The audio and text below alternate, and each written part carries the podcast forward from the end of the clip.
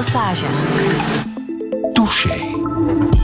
Een heel bijzondere touché, want mijn gast vandaag zit niet in de studio, maar gewoon bij haar thuis. Lisbeth van Impen, goedemorgen. Goedemorgen, Friedel. Zo doen we dat hè, in tijden van corona. Ik kan jou perfect horen. hoe, uh, hoe gaat het daar? Hoe zit jij daar bij jou thuis? Dat ik er een beetje een beeld van krijg. Ik zit zoals heel veel mensen, denk ik, de voorbije week gewoon aan mijn uh, tafel in de living. Ja. Uh, met zicht op een zonnige zondag, Mhm. waar toch niemand buiten loopt. Mhm. En zo hoort het, hè? Ehm, Zo hoort het. Uh, blijf in uw kot. Ja. Dat is uh, het devies deze week. Ik uh, zou jou zeer graag aankondigen als hoofdredacteur van de krant Het Nieuwsblad. En daar is op zich ook niks mis mee met die titel. Nee. Maar nu nog heel even niet. Hè? Hoe gaat het op dit moment met jou? Wel, um, ik uh, was net de dag dat het hele land in lockdown ging, uh, was mijn laatste dag bestraling uh, na 250 dagen behandeling voor borstkanker. Dus dat moest een dag zijn die speciaal zou zijn. het was een heel speciale dag, een beetje anders dan ik gedacht had. maar ik ben dus een hele tijd uit de krant verdwenen. Ehm, niet noodzakelijk de hele tijd van de redactie verdwenen. Ik ben in het begin tijdens de chemo blijven doorwerken. En ik ben nu alweer een denk een tweetal weken halftijds aan het werk. Dus op de redactie um, zijn ze me alweer gewoon. Maar het zal nog wel even duren voor ik echt weer um, volledig publiek en stukken schrijven en uh, noem maar op, alles wat erbij komt uh, kijken. Daar ga ik nog even mee wachten tot ik helemaal zeker ben dat ik dat ook uh, terug aan kan, dat ik voldoende hersteld ben. Ja, en dat je je laatste bestraling hebt gehad, eh, die bewuste vrijdag, vrijdag de 13e. Ja. Was dat een geluk bij een ongeluk in jouw geval? Wel, ik heb diezelfde dag ook een stuk geschreven om iedereen op te roepen om de, de maatregelen die afgekondigd waren heel strikt uh, na te leven. En het was uh, in het met in het achterhoofd waar ik zelf de voorbije maanden doorgegaan ben. Ik ben heel blij dat ik nu niet meer in het ziekenhuis moet zijn, dat het, uh, de kritieke fase van de behandeling wel achter mij liggen. Ook mijn immuniteit op dit moment is nog een beetje aangetast, maar je kan dat niet vergelijken met de, de periode dat je in, chemotherapie zit. Um, het was vooral omdat ik weet hoe, ik, hoe afhankelijk ik de laatste negen maanden geweest ben van uh, spoeddiensten die goed werken en dokters die beschikbaar zijn en bedden die beschikbaar zijn en verplegers. En het is voor die mensen ook dat uh, de maatregelen echt moeten opgevolgd worden. Ik ben in, tijdens de chemo vijf keer um, in het ziekenhuis beland met heel hoge koorts. Dat was een gevolg van de chemo. Goed, dat is op dat moment allemaal um, uh, beangstigend, maar je wordt daar heel goed opgevangen. Uh, je hoeft je daar eigenlijk geen zorgen over te maken. Um, maar dus, uh, het zijn niet alleen mensen die corona hebben vandaag die afhankelijk zijn van die zorg. Er zijn nog heel veel andere mensen die al in zorgtrajecten zaten, die in, met zware ziektes kampen. En die moeten kunnen rekenen dat als er iets fout gaat, en geloof me, er gaan altijd dingen fout, dat ze terecht kunnen voor, voor opvang, voor zorg, voor goede verzorging, voor de beste verzorging die we kunnen geven. En die is in dit land verschrikkelijk goed. Op zijn best is die Allee, ik, ik, ik, weet niet hoeveel standbeelden ik voor dokters en verplegers ga moeten oprichten uh, hierna. En ik denk dat we dat collectief gaan kunnen doen door de coronacrisis. Maar um, als je al in een traject zit, is dit een heel beangstigende periode. En het is daarom dat ik ook een stuk geschreven heb van hou daar rekening mee. Um, dat zijn de mensen die vandaag heel, heel kwetsbaar zijn. Ja. En hoe probeer jij je in jouw situatie te wapenen tegen het virus? Ik doe denk ik wat iedereen doet. Uh, zoveel mogelijk binnenblijven, zoveel mogelijk contact vermijden. Uh, ik probeer ook niet paranoïde te zijn. Ik heb ook tijdens de hele uh, kankerbehandeling niet willen zijn. Van je, kan, je kan ook niet in een bunker gaan zitten. Dus ik probeer iedere dag nog wel een wandelingetje te maken. ik woon alleen, dus ik, ik, probeer dat op twee meter afstand met een goede vriend te doen. Om toch nog iemand gezien te hebben. We moeten ook mm. allemaal zorgen dat we het blijven volhouden. maar het is wel belangrijk dat het, het weinige dat nog mag, dat we daar niet over gaan. Want dat weinig is voor heel veel mensen wel heel belangrijk nu. Ja. Uh, als je alleen zit, is het belangrijk dat je nog dat wandelingetje op twee meter afstand kan maken. Als je geen tuin hebt, is het belangrijk dat je nog even buiten kan. Ja. Dus um, de weinige dingen die mogen, laten we die voorlopig nog wel vasthouden als het medisch verantwoord is. Uh, want uh, ja, als iedereen toch weer creatief begint te zijn met de regels, dan gaan ook die dingen verboden worden. En dan denk ik dat het voor heel veel mensen een heel lange en donkere periode wordt. Mm-hmm. Um, maar goed, voor de rest, ik heb opnieuw een uh, knop in mijn hoofd moeten omdraaien natuurlijk. Ik zit nu zelfs geïsoleerder dan tijdens de kankerbehandeling. Ik Mhm. had natuurlijk gehoopt na 35 weken dat dat nu wel anders zou zijn. Maar goed, dat is een knop in je hoofd die je moet omdraaien. Dus uh, ik heb geleerd dat zwaar ziek zijn in heel grote mate niet, niet vechten en sterk zijn is, maar een plek in je hoofd vinden waarin je het kan ondergaan. Dat daar vaak de kracht in schuilt. Uh, en dus je moet die plek in je hoofd vinden. Je moet het voor jezelf mogelijk maken om te zeggen van oké, okay, ik geef de controle uit handen. Ik luister naar de mensen die het beter weten. En ik uh, stel me erop in dat dit een tijdje gaat duren. En iedereen schrikt waarschijnlijk als je hoort zes weken, acht weken. Doe dan wat ik gedaan heb, kap het in stukjes. Iedereen kan dit een dag volhouden. Wel, hou het vandaag vol. En morgen nog eens. En de dag erna nog eens. Mm -hmm. Lisbeth, ik stel altijd de vraag om jezelf te omschrijven. Wat zou jij op dit moment over jezelf zeggen?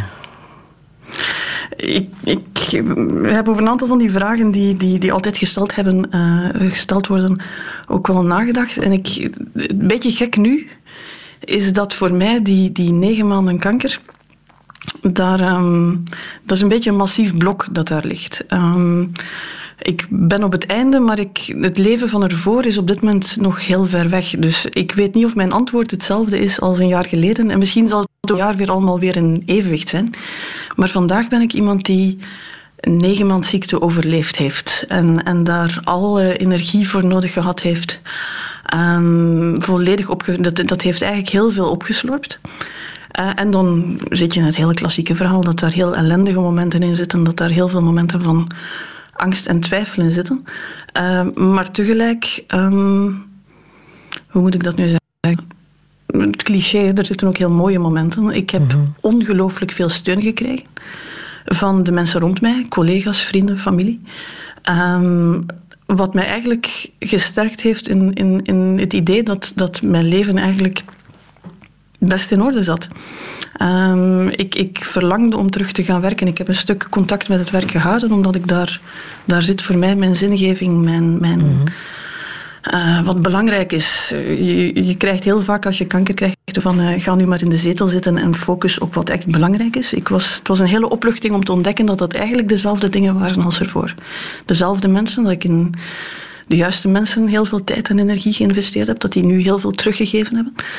Um, dus wie ben ik? Op dit moment een, iemand die, die het net achter de rug heeft. Uh, heel graag terug wil naar dat oude leven. En in dat oude leven ben ik...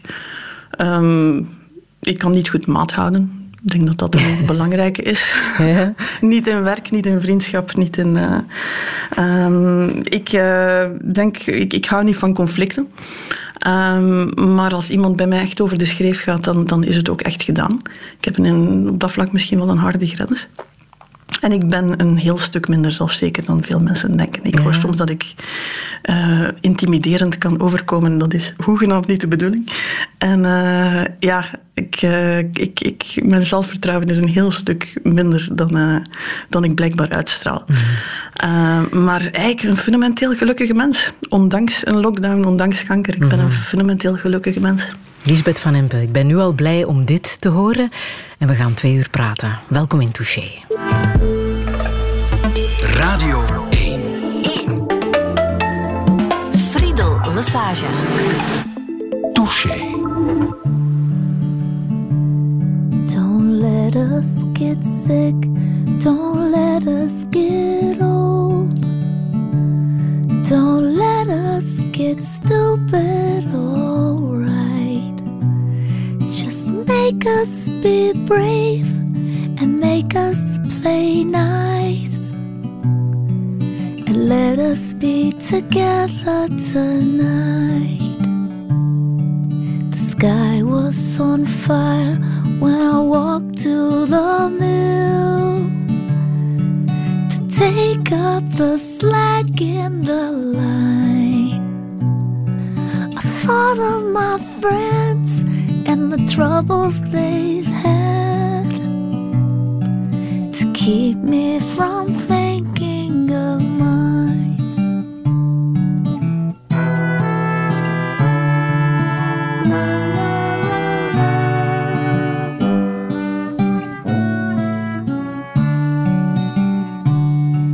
The moon has a face and it smiles on the lake the ripple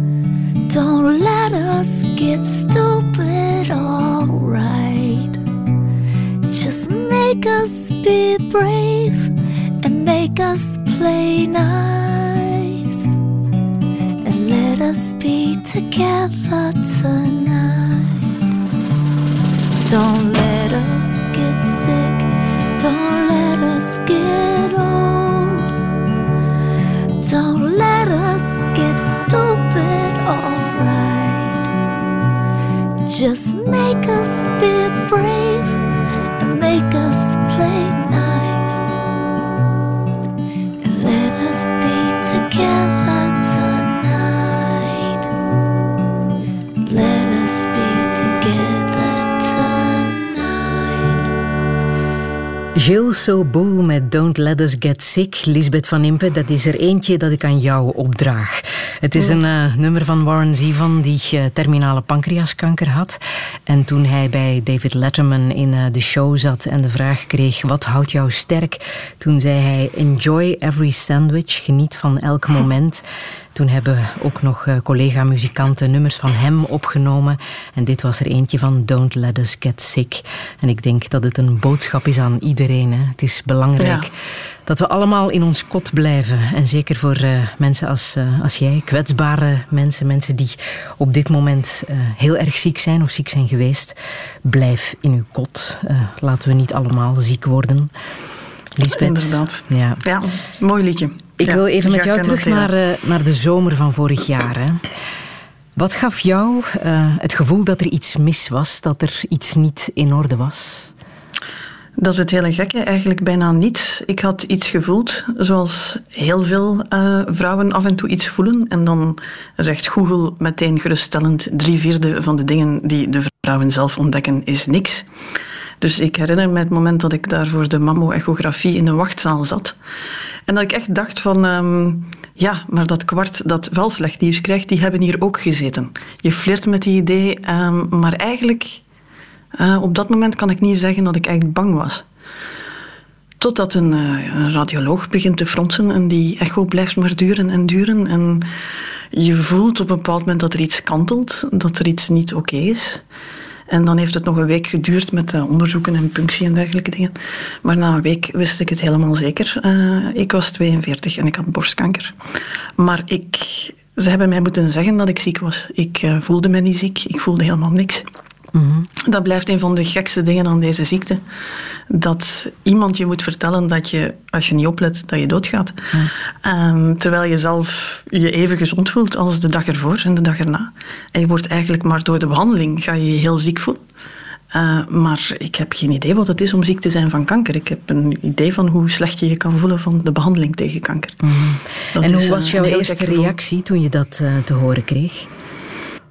Eh, ik was heel blij met die week waarin ik ehm, al bijna zeker wist dat het niet goed zou zijn, maar ik het nog niet zeker wist. Ik, ik ben een beetje een controlefreak en ik ben met mijn eh, collega hoofdredacteur, die, die ook een van mijn beste vrienden is, eh, eigenlijk meteen gaan samenzitten op wat een vrij emotionele nacht was ehm, met de vraag wat als, hoe gaan we dit doen? Eh, van ga ik de behandeling in Antwerpen of Brussel doen? Ga ik, eh, wie gaat de standpunten schrijven? Hoe gaan we dit doen? Hoe moet ik dit organiseren als ik ben alleenstaand? Hoe ga ik dat organiseren? Ehm, en dat heeft mij een stuk rust gegeven.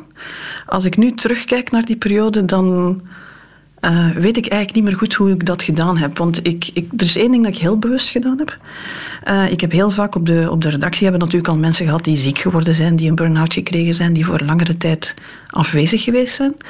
Ehm, ik had al gemerkt hoe normaal gezien komt het nieuws dat iemand ziek is op het moment dat hij al weg is. Ehm, er komt een mailtje, er komt een soort van mededeling: ik ben ziek, ik heb hypnose gekregen. En dan verdwijnen mensen voor maanden of voor een jaar ehm, uit hun werkomgeving. En dat op zich wordt, wordt, wordt een drempel. Dus ik ben eigenlijk heel bewust op de redactie gebleven. De mail naar de redactie is verstuurd toen ik er was. Dus ik heb de mail verstuurd en ik ben over de redactie gaan lopen. Als je eens 180 man heel ongemakkelijk op eh, hun stoel wil zien draaien, dan moet je dat dus doen. Maar dat heeft het voor mij wel makkelijk gemaakt, omdat dat eerste moment, dat is zo'n lastig moment, waar niemand weet wat ze moeten zeggen, waar mensen soms bijna letterlijk achter de bloempotten springen, om, omdat ze gewoon ja, niet weten wat ze moeten doen. Maar als je mensen daar voorbij helpt, dan help je uiteindelijk ook weer jezelf. Dan, dan creëer je weer een, een, een situatie waar je in je vertrouwde omgeving kan rondlopen en mensen weer normaal doen. Ehm, ik heb die reactie ook honderdduizend keren gehad. Dat je niet weet waar je moet kijken, wat je moet zeggen. Dat je heel bang bent om iets verkeerd te zeggen. Uh, dus als ik er nu naar terugkijk, ben ik heel blij hoe ik dat gedaan heb. Vraag mij niet waar ik op dat moment de, de, de, de, de, de, kracht of de energie vandaan haalde. Want dat is een, een heel overdonderende periode. Mm Je volgen dan nog hele reeks testen. Je hebt nog een paar worst-case scenario's die moeten uitgesloten worden. Goed, na het eerste slechte nieuws heb ik eigenlijk geen slecht nieuws meer gekregen. Er waren geen uitzaaiingen. De, de behandeling start, dat gaat allemaal heel, heel snel. Uh, heel snel wordt ook duidelijk dat die wel aanslaat. Dus, dus ik heb geen slecht nieuws meer gekregen. Uh, alles is sindsdien dan wel redelijk goed gegaan. Ehm, maar goed, ja, het, het, ik had het gevoel dat ik uit mijn leven aan het vallen was. En ik heb het met alle kracht vastgegrepen wat ik nog kon. En wat je zegt, op het moment dat ze jou zeggen je hebt kanker, voel je dat niet altijd. Nee. Dat was ook bij jou zo. Ehm, toch zit er een tumor in je lijf, toch zit er iets dat daar niet moet zitten. Jij hebt die tumor een naam gegeven. Toby. Toby de tumor. Toby de tumor. Heeft dat geholpen? Dat heeft, eh, ik kreeg heel rap het voorstel van de dokters. Dus ik heb eerst chemo gekregen en pas daarna een uh, operatie. Dus ik kende van een aantal vriendinnen het traject wel, dus waar er vaak meteen geopereerd wordt. En toen ze zeiden dat er niet meteen zou geopereerd worden, moest ik daar wel aan wennen. Ik kon hem voelen. Uh, wat heel gek is, dat je, dat je de hand erop kan leggen, mhm. letterlijk. Mm -hmm. um, en dus Toby de tumor was een manier om ervoor te zorgen dat uh, het geen deel van mij meer was. Dat het iets was je kan ook Toby de Tumor niet zo heel serieus nemen. Maar um, uh, Marek, onze cartoonist op de krant, heeft daar trouwens een paar geniale cartoons over gemaakt. Die de redactie mij komen afgeven tijdens de chemo. Uh, het hielp om, om, om. Je moet een manier vinden om. Je moet een stuk taal terug heruitvinden op zo'n moment. Je merkt dat je. Je komt woorden tekort. Toby de Tumor is één manier. Ja. Je moet manieren vinden om het over de 27 verschillende manieren waarop je moe kan zijn van een kankerbehandeling te verwoorden. Uh, dat daar gradaties in zitten, dat dat anders gaat, dat, dat uh, je misschien weinig pijn hebt, maar heel veel ongemak en heel veel complicaties en dat soort dingen. Dus je gaat echt op zoek naar een manier om het voor jezelf te verwoorden en het zo aan de mensen rond je duidelijk te maken hoe het met je gaat, wat er je bezig gaat, wat er niet goed gaat. Ja, dan zal de journalist zeker de kop opsteken die op zoek gaat naar een manier om een verhaal te vertellen. Mm. En hoe was het voor jou als journalist om te beseffen dat je eigenlijk zo weinig wist over kanker en over chemo en hoe dat precies allemaal in zijn werk gaat? Als journalist vond ik het niet zo gek, maar het was vooral, ik had van een aantal vriendinnen het relatief van dichtbij meegemaakt. En dan denk je dat je iets weet en dan merk je eigenlijk dat dat toch uh, tegenvalt. Uh, ik, denk, ik heb ook gemerkt trouwens, ik heb een soort van nieuwsbrief gemaakt die uiteindelijk naar bijna 100 mensen gegaan is. Uh, ik kreeg die reactie wel vaker. Um, iedereen kent mensen die kanker gehad hebben. Mm -hmm. Iedereen kent mensen die door dat traject gaan, maar we weten dat er chemo en bestraling bestaat, maar heel weinig mensen zien dat van heel dichtbij. Ook omdat, ja, als je heel ziek bent, dan, dan plooi je doorgaans op een heel kleine kring terug. En, en eens het voorbij is, is het alweer... Ja, mensen zien je terug op het moment dat het weer beter gaat natuurlijk. Mm En dus een van de dingen... Ik was zelf bijvoorbeeld met een vriendin ooit wel mee geweest naar de chemo. Uh, ik heb dat nu omgekeerd ook weer gedaan. Ik heb 17 verschillende mensen naar de chemo meegenomen. Ik had gewoon een mailtje rondgestuurd met wie wil eens meegaan. Dat duurt vier, vijf uur. En uh, daar wordt gebabbeld. Uh, dat is eigenlijk het belangrijkste. Er gebeurt niks dramatisch. Ja. Daar, wordt, daar liggen mensen... Ja, dus dat is echt niet dramatisch. Uh -huh. En dus dat zijn weer 17 mensen, hoop ik, die, die weten wat het is. En die misschien als ze de volgende keer iemand tegenkomen, uh, weer aanknopingspunten hebben, uh, weer andere vragen kunnen stellen, uh, minder bang zijn ervan. Ik denk dat we de harde scheidingslijn die soms staat tussen het gewone leven en het, wat ik het land van de zieken noem, ik denk dat we die meer moeten slopen. Dat, dat, dat we mensen daarin moeten meenemen als dat kan, als je daar deugd van hebt, als je daar... Um, uh, zelf iets aan hebt als patiënt natuurlijk. Als patiënt moet je vooral niets. Maar ik denk dat um, het beter zou zijn als we vaker die muur wat zouden slopen. En uh, die werelden wat meer dan elkaar laten overvloeien. Door te blijven werken bijvoorbeeld, dat ging. Um, probeer je een beetje, ja, ben je een beetje een grensarbeider tussen die twee werelden. En, en kan je ook weer een, een, grotere groep mensen meenemen in, in wat het is, wat het niet is. Waar je bang voor bent, waar je niet bang voor bent. Uh, wat meevalt en wat, wat, wat verschrikkelijk zwaar is. Ja, ja.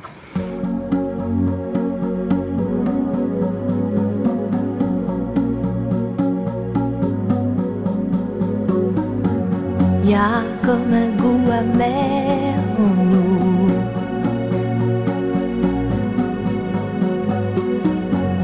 Comme un goût de poussière dans tout. Et la colère qui nous suit partout. Y a des silences qui disent beaucoup.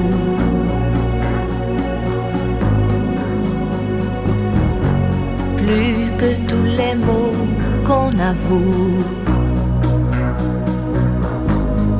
Toutes ces questions qui ne tiennent pas debout. Évidemment,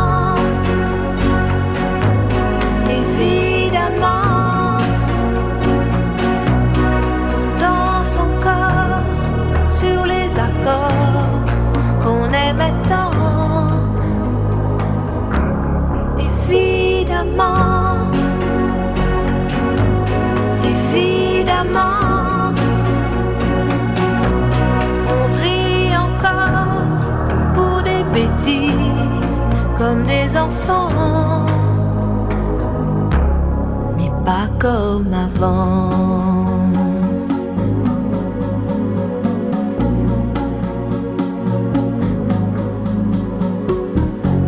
et ces batailles dont on se fout.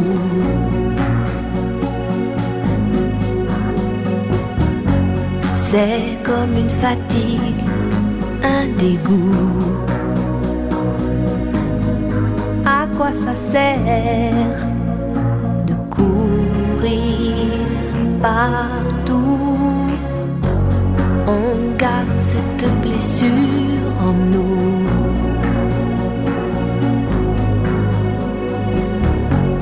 comme une éclaboussure de boue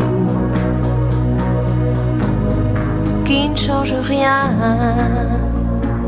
qui change tout.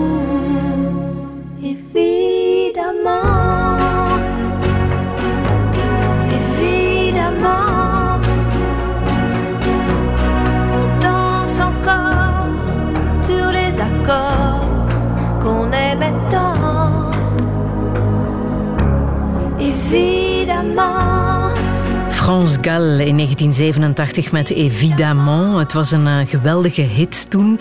Lisbeth van Impe, jij was toen een jaar of tien, denk ik? Dat zou kunnen. Ik ja. ken het liedje niet van toen. Het, uh, het, is iets later gekomen. Ik heb romantie gestudeerd, dus Franse muziek. Uh, ja, heeft een aparte plek ja. in mijn platenkast. En dit is zo een van die dingen die over de kwetsbaarheid van het leven gaan. Hè. Ja, ja. Je bent opgegroeid in, in West-Vlaanderen, Zwevenzelen. Humaniora in Barnum, Roeselare. We delen eenzelfde school. Voilà. Daar hebben we allebei gezeten. Uh, wat voor meisje was jij? Goh, ik, het is heel moeilijk om dat allemaal over jezelf te zeggen. Hè. Um, ik was iemand die um, graag en goed studeerde. Uh, vrienden, altijd heel belangrijk geweest. Um, dat is ook nooit veranderd. Um, en een, een, een West-Vlaamse jeugd was dat, uh, wat moet ik nu zeggen, 30 jaar geleden een heel gewone West-Vlaamse jeugd was waarschijnlijk. Mm-hmm. Um, ver van de grote steden. wij woonden, wonen, mijn ouders wonen nog altijd uh, echt op het platteland tussen de koeien, die van mijn uh, grootvader waren en die wij in de winter dan opaten. dus ja, een, een, een, een jeugd zoals je die vandaag in sepia gekleurd ziet opduiken, waar je gemakkelijk heel nostalgisch kan naar worden. Ja, en vanaf wanneer zat er een, uh, ja, en vanaf wanneer zat er een journaliste in jou? Wanneer voelde je dat wordt waarschijnlijk wel mijn toekomst? Ik wou, ik wou journalist worden zoals uh, kleine jongens astronaut wilden worden. Ja? Zoiets van, je zegt dat je dat wil worden. Ik schreef graag, ik schreef voor het schoolkrantje, um, dat soort dingen. Maar dat leek iets um, een soort van droom waar, waar ik geen flauw benul had hoe ik die ooit zou moeten realiseren. Dus dat is heel moeilijk om te zeggen wanneer ik dat juist wou doen, maar ik, ik was met taal bezig. Ik ben Romaanse gaan studeren omdat ik met taal wilde bezig zijn. En dan ben ik daar geleidelijk ingerold en ik denk nog altijd dat dat evengoed niet kunnen gebeuren. Ik ben bijna ja, toevallig uh, in een soort van opleidingsproject toen bij de Morgen terechtgekomen. En ik heb er nog twee jaar over gedaan om te ontdekken dat ik um, het ook wel kon. Uh, ik weet het moment dat ik doordacht van verdorie, um, ik kan ook een goede journalist zijn. Ja? Uh, ze gaan mij hier niet naar huis sturen, ik ga niet finaal niet door de mand vallen. Ja. Ik kan het. Dat heeft een hele tijd geduurd. Ja, en wat is dan, en dan gebeurt er iets. Ja, wat is dan de trigger geweest dat jou aangaf van ik kan ook een goede journalist worden? Ja, je groeit daarin. Hè. En je voelt dat je het leuk vindt. Je voelt dat je stukken begint te schrijven waarop reactie komt. Je, je maakt af en toe iets waar je dan trots op bent. En dan is er een soort van klik in je hoofd dat uh, het leven dat je droomt misschien ook echt wel bereikbaar wordt. Dat mhm. gaat in, in stapjes. Zoals gezegd, ik ben minder zelfzeker dan ik lijk. ik, ik mhm. ben niet de morgen binnengestapt met het idee van ik ga ze dus allemaal bewijzen dat ze al die tijd op mij hebben zitten wachten. Zo was het mhm. helemaal niet. Je bent ook een, een jaar uh, met de rugzak gaan trekken. Hè? Was dat voor of na jouw studies? Dat was meteen na de studies. Een jaar uh, Zuid-Amerika, Latijns-Amerika. Waarom wou je dat uh, doen? Het, hetzelfde. Ik was Romaanse gaan studeren uit een fascinatie voor taal en dan de Franse en dan de, de, de Latino-cultuur. Uh, dus ik had Spaans gedaan. Um, Zo'n jaar reizen, dat is iets waarvan je droomt. Dat kon dan uh, door een aantal toevalligheden. Uh, was daar, hadden we daar ook het budget toen voor. Dat was met mijn toenmalige vriend. Um, en we hebben dat gewoon gedaan. En dat is, dat is fantastisch. Dat zijn soort dingen die niemand je ooit meer uh, afneemt. Mm -hmm. um, dat is zo, ja, dus, dat is een jaar dat je jezelf cadeau doet. Hè. Ja. Um, dus ja, dat, dat zijn soort dingen dat je dan doet als je, als je 22 bent, zonder daar al te veel bij na te denken. Ja. En gelukkig maar. En hoe blik je daar nu op terug? Mm, veel uitgeleerd? Iets wat, ja? iets wat je wat niemand je ooit nog afneemt. Mm -hmm. um, laat zeggen, je kan met datzelfde geld uh, je eerste auto kopen. Um, en die zou dan waarschijnlijk al lang weer verdwenen zijn. Dit is iets, uh, uiteindelijk is het dat wat je overhoudt. Hè. Je, je herinneringen, de dingen die je gedaan hebt, die je beleefd hebt. En um, zo is met, met een heel beperkt budget rondreizen, uh, lange tijd, is, ja, is een ervaring die je, die je nooit meer kwijtspeelt natuurlijk. Mm.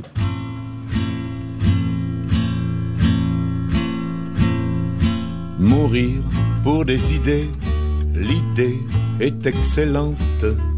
Moi j'ai failli mourir de ne l'avoir pas eu, car tous ceux qui l'avaient, multitude accablante, en hurlant à la mort, me sont tombés dessus. Ils ont su me convaincre et m'amuse insolente, abjurant ses erreurs, se rallient à leur foi avec un soupçon de réserve toutefois, mourons pour des idées, d'accord, mais de mort d'accord, mais de mort. Jugeant qu'il n'y a pas péril en la demeure, allons vers l'autre monde en flânant en chemin, car à forcer l'allure, il arrive qu'on meure pour des idées n'ayant plus cours le lendemain. Or, s'il est une chose amère, désolante, en rendant l'âme à Dieu, c'est bien de constater qu'on a fait fausse route, qu'on s'est trompé d'idées, mourons pour des idées, d'accord, mais de mort lente, d'accord, mais de mort lente les saints Jean Bouche d'Or qui prêchent le martyre, le plus souvent d'ailleurs s'attardent ici-bas. Mourir pour des idées, c'est le cas de le dire, c'est leur raison de vivre, ils ne s'en privent pas. Dans presque tous les camps, on en voit qui supplante bientôt Mathusalem dans la longévité. J'en conclus qu'ils doivent se dire un aparté, mourons pour des idées, d'accord, mais de mort lente, d'accord, mais de mort lente. Des idées réclamant le fameux sacrifice, les sectes de tout poil en offrent des séquelles. Et la question se pose aux victimes novices. Mourir pour des idées, c'est bien beau, mais lesquelles? Et comme toutes sont entre elles ressemblantes, quand il les voit venir avec leur gros drapeau, le sage, en hésitant, tourne autour du tombeau, mourons pour des idées, d'accord, mais de mort lente, d'accord, mais de mort lente. Encore s'il suffisait de quelques hécatombes pour qu'enfin tout changeât, qu'enfin tout s'arrangeât. Depuis tant de grands soirs que tant de têtes tombent, au paradis sur terre on y serait déjà. Mais l'âge dort sans cesse et remis aux calendes. Les dieux ont toujours soif, n'en ont jamais assez. Et c'est la mort, la mort, toujours recommencer. Mourons pour des idées, d'accord, mais de mort lente, d'accord, mais de mort lente. Oh vous les boutefeux, oh vous les bons apôtres, mourrez donc les premiers, nous vous cédons le pas. Mais de grâce, morbleu, laissez vivre les autres, la vie est à peu près leur seul luxe ici-bas. Car enfin la camarde est assez vigilante, elle n'a pas besoin qu'on lui tienne la faute. Plus de danse macabre autour des échafauds, mourons pour des idées, d'accord, mais de mort d'accord, mais de mort. Georges Brassens en Mourir pour les idées. Lisbeth van Impe, jij vanuit uh, jouw living en ik hier vanuit de studio. Het is niet voor niets dat je dit uh, wil laten horen. Hè? Waarom precies? Ja, één, ik ben een gigantische fan van Georges Brassens. -hmm. um, de teksten, de muziek, noem maar op. Maar um, dit vind ik een van zijn... Um, ja, een van zijn mooiste. Um, laten we doodgaan voor, laten we sterven voor de ideeën, maar heel traag eigenlijk. Laten we vooral ons leven uh, tot het einde leven. Met een, um, ja, een uithaal naar degenen die um, anderen oproepen om vooral voor hun ideeën te sterven. Ik vind dat een, een iets wat past bij, bij alle tijden, denk ik. Uh, ja, je moet overtuigingen hebben. Ja, je moet uh, ergens voor staan. Maar, maar het gevecht tussen de meningen is geen gevecht op leven en dood. En ik denk dat dat een.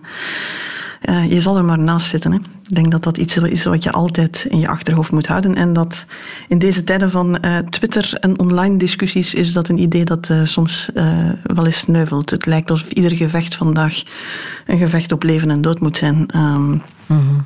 Met heel veel drama, heel veel verontwaardiging. Ik, ik ben geen grote fan van Um, een deel van de sociale media, laat mij zo zeggen. Ja. Um, ik kan ook heel kwaad worden met hoe vandaag aan politiek gedaan wordt. Uh, er zit een stuk onverantwoordelijkheid in, een stuk um, eindeloze zelfpromotie, verontwaardiging die vooral gevoed wordt door het feit dat je ergens een scheef woord of een half verkeerd idee hebt zien passeren. En Um, ja, daar, daar maak ik me soms wel zorgen over. Mm.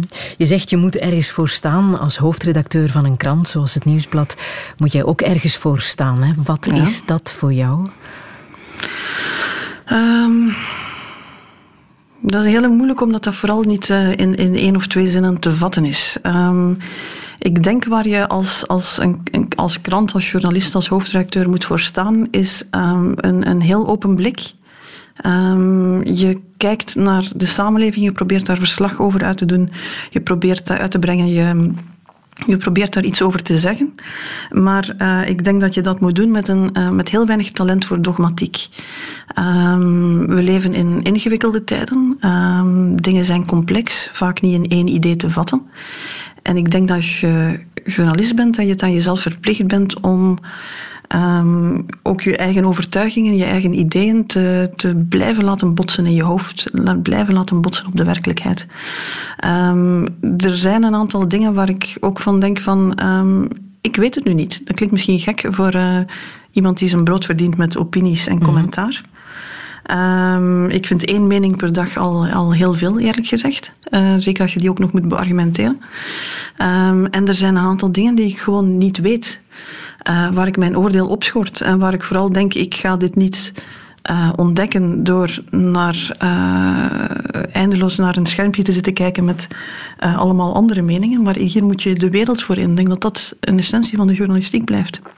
Het is niet alleen uh, meningen laten botsen en, en, en uh, altijd dezelfde mensen met elkaar laten discussiëren. Het is af en toe ook gewoon de wereld intrekken, de maatschappij intrekken en te gaan kijken van wat klopt er nu, wat, wat, wat, wat zie ik nu. Um, een voorbeeld daarvan, mijn motto is soms van uh, meningen zijn makkelijk, doe iets. De wereld wordt niet veranderd op Twitter. En bijvoorbeeld toen, toen een paar jaar geleden de aanslagengolf be begon, ik woon in Molenbeek. -hmm. Um, merkte ik, heel eerlijk, ik weet niet wat hier aan de hand is. Mijn buren worden opgepakt. Um, ik weet niet wat hier aan de hand is. Ik heb mijn oordeel opgeschort en ik ben een plek gaan zoeken. Uh, dat is de L'Avenir, Tada geworden. Uh, waar we met jonge kinderen werken in Molenbeek en hen uh, verschillende beroepen leren kennen. Ik ben huiswerkbegeleiding gaan doen eigenlijk een soort van zoektocht naar één, hoe kan ik zelf iets doen? En door iets te doen kan ik zo een um, completer, vollediger beeld krijgen over wat hier nu eigenlijk aan de hand is. Mm -hmm. We zijn vijf jaar later, ik weet het nog altijd niet. Ik engageer me daar nog altijd. Het laatste jaar natuurlijk uh, op een heel laag pitje, omdat het uh, door de ziekte niet kon. Maar het is een van de eerste dingen die ik terug wil opnemen. Mm -hmm. Omdat ik gewoon voel, het is, de werkelijkheid is een stuk uh, rommeliger en, en minder plooibaar en, en, en, en lastiger. Uh, dan het soms lijkt als je naar, uh, naar, naar de debatten kijkt en naar alle mensen die het weten zonder er ooit uh, naar te gaan kijken. Ja. ik weet het nog altijd niet. Ik weet alleen dat ik probeer mijn kleine stukje daar bij te dragen. Um, en dat mij dat een ander soort voldoening geeft dan het zoveelste standpunt van het grote gelijk. Ik weet het gewoon niet. Als hoofdredacteur moet je ook je ploeg, je journalisten bewaken en beschermen. Hè? Uh, zeker ja. in uh, tijden als nu en in tijden van de aanslagen uh, komt er ook wel eens het commentaar van ze zijn sensatiebelust, ze schrijven maar wat, ze doen maar wat. Een commentaar ja, die jou kwaad maakt, hè? Ja, hmm. daar word ik echt kwaad van. Um, pas op, journalisten uh, maken fouten, uh, kranten maken fouten, hoofdredacteurs maken fouten. Soms zit de toon niet goed, soms zit de focus niet goed. Dus allemaal waar. En het is geen uh, pleidooi om vooral nooit meer kritiek te hebben, maar het is soms zo makkelijk. Dus we zijn sensatiebelust, we zijn um, alleen maar bezig met de kliks. daar komt deze dagen ook bij van hoe durven jullie geld te vragen voor wat jullie doen? Ik denk van wij proberen een redactie, een drukkerij, een IT-departement op dit moment in zeer moeilijke omstandigheden in de lucht te houden. We geven al heel veel gratis weg. Dus het is soms heel ambigu ook. Hè, van we zijn sensatiebeluste um, uh, parasieten en tegelijk moeten we wel alles... Uh, uh, is het schandalig dat we er geld voor durven vragen. ik, ik heb heel veel mails ook al beantwoord van wij proberen zo goed als het gaat op dit moment aan, aan dienstverlening te doen. Mm -hmm. um, ja, wist iemand het twee weken geleden wat de juiste toon over corona was, wat te paniekerig was en wat mm -hmm. uh, helemaal juist was. Uh, ja, het is voor iedereen een zoektocht. Maar ik uh, zie in de journalistiek vooral heel veel mensen die iedere dag opnieuw proberen op een goede manier verslag uit te brengen, die daarover met elkaar eindeloos in discussie gaan. Ik denk dat dat op alle redacties een, een, een, een vast patroon is. mensen zitten niet zomaar achter een computertje gelijk wat te schrijven. Daar wordt over gedebatteerd, daar wordt uh, uh, gezocht naar het juiste. En iedere dag opnieuw maken we een evaluatie van wat hebben we goed gedaan, wat hadden we beter kunnen doen. Um, dus ja, nee, als het enkel de makkelijke kritiek is van jullie doen maar wat, dan, dan ja, daar word ik heel kwaad van. Mm, je hebt ook een paar journalistieke helden, hè? onder andere David Ramnick, uh, Gerard van Westerlo. Wat heb je van ja. die mensen geleerd? Gerard van Westerlo is voor mij het, het, prototype van, van de journalist die zich niet in een hokje laat opsluiten, die de wereld intrekt, de, de echte wereld intrekt en daar mhm. verslag van uitbrengt. Zijn uh, Niet praten met de bestuurder is een boek over wat fout liep of moeilijk was of, of, of, of lastig was in een uh, multiculturele samenleving, lang voordat dat uh, iedereen het daarover had. En waar hij niet, in een, niet voor één gat te vangen is, niet in één hokje op te sluiten is. David Remnick is gewoon, ja, dus een, heeft een aantal, eh, leidt de New Yorker, um, heeft een aantal, daarnaast ook nog een aantal boeken geschreven. Hoe je het doet, ik weet het niet. Maar dat is een, uh, iemand die me geleerd heeft wat een, wat een goed portret is. Uh, hoe diep je kan graven in iemand, hoe je iemand kan voorstellen aan een groot publiek en, en er dingen kan over zeggen. Um, John Stewart is mijn laatste uh, journalistieke held, alhoewel hij zichzelf geen journalist noemt. Maar ook daar weer um, met humor, maar ook met overtuiging naar de werkelijkheid kijken en daar iets over te zeggen hebben. Maar uh, ook zonder veel talent voor dogmatiek, denk ik. Dus dat, bind, dat bindt hen wel, denk ik. Ja, de man achter The Daily Show, hè? John Stewart. Ja, ja. inderdaad. En als er één boek is dat we moeten lezen volgens jou, is het de Polit uh, Political Brain van Drew Weston. Ja. Waarom precies? Wel, eh, er zijn intussen heel veel boeken die gaan over um, het feit dat we onder andere in onze politieke ideologische overtuigingen uh, veel minder rationeel zijn dan we zelf denken. Drew Weston heeft dat boek 15 jaar geleden al geschreven. En het gaat over hoe we omgaan met politieke boodschappen, politieke standpunten. Hoe onze. Eigenlijk hebben we al een sympathie en een overtuiging en gaan we vervolgens op zoek naar argumenten en feiten en data die die overtuiging ondersteunen. We zijn daar veel minder rationeel in dan we denken en ik vind voor een politiek journalist is het heel belangrijk dat je dat altijd beseft, al was het maar om het bij jezelf in vraag te kunnen stellen. Om te weten wanneer dat je ja, selectief wordt in waar je naar kijkt, wat je gelooft, um, welke vragen je stelt, noem maar op. Maar ook weten dat als je met lezers spreekt, dat hun overtuiging eerst komt en de, de feiten en de argumenten erachter komen. Um, dat hoeft ons niet vast te zetten in allemaal ons eigen gelijk, maar het helpt wel als je weet hoe we denken, hoe ons brein ineen zit. En Drew Weston heeft dat boek dus 15 jaar geleden al geschreven over um, ja, hoe onze hersenen werken, hoe ze omgaan met, met uh, partisane informatie, met, met uh, dingen waarvan we denken dat we heel rationeel zijn, maar waar we het eigenlijk helemaal niet zijn.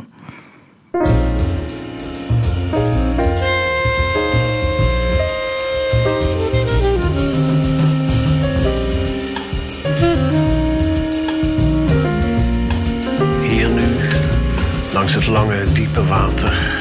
Dat ik dacht, dat ik dacht dat je altijd maar, dat je altijd maar.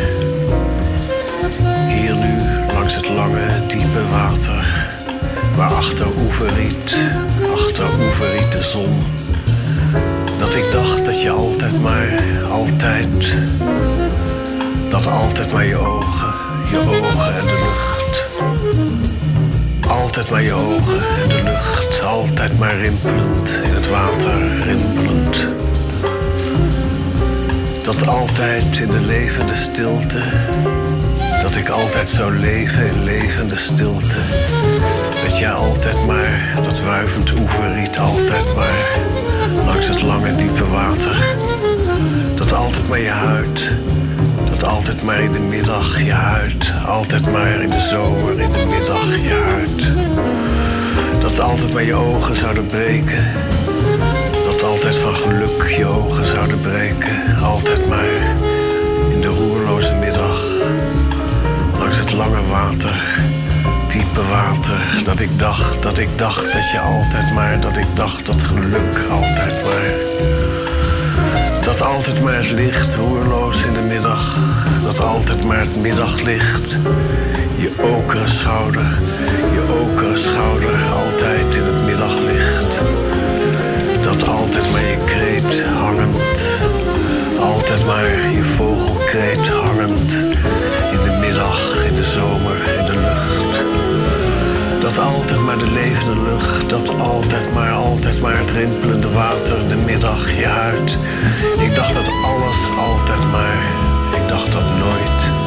Hier nu, langs het lange diepe water, dat nooit. Ik dacht dat altijd, dat nooit, dat je nooit, dat nooit vorst, dat geen ijs ooit het water.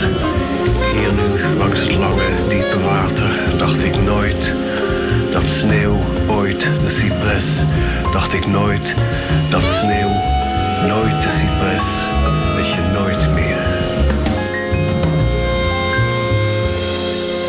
Lamento van de Nederlandse dichter Remco Kampert, begeleid door het combo van Benjamin Herman. Wat prachtig toch, poëzie op deze manier kunnen laten horen, Lisbeth van Impe. Waarom wou jij Ja. het eh, laten horen? Ik wist niet dat er een versie ook met muziek bestond. Die, die, die werkt heel goed. Maar Ja. ik vind zelfs zonder muziek is het, is het muzikaal. En het gaat over ja, de essentiële dingen die, eh, die we allemaal zo moeilijk onder woorden kunnen brengen. En tegelijk weten we waarover het gaat.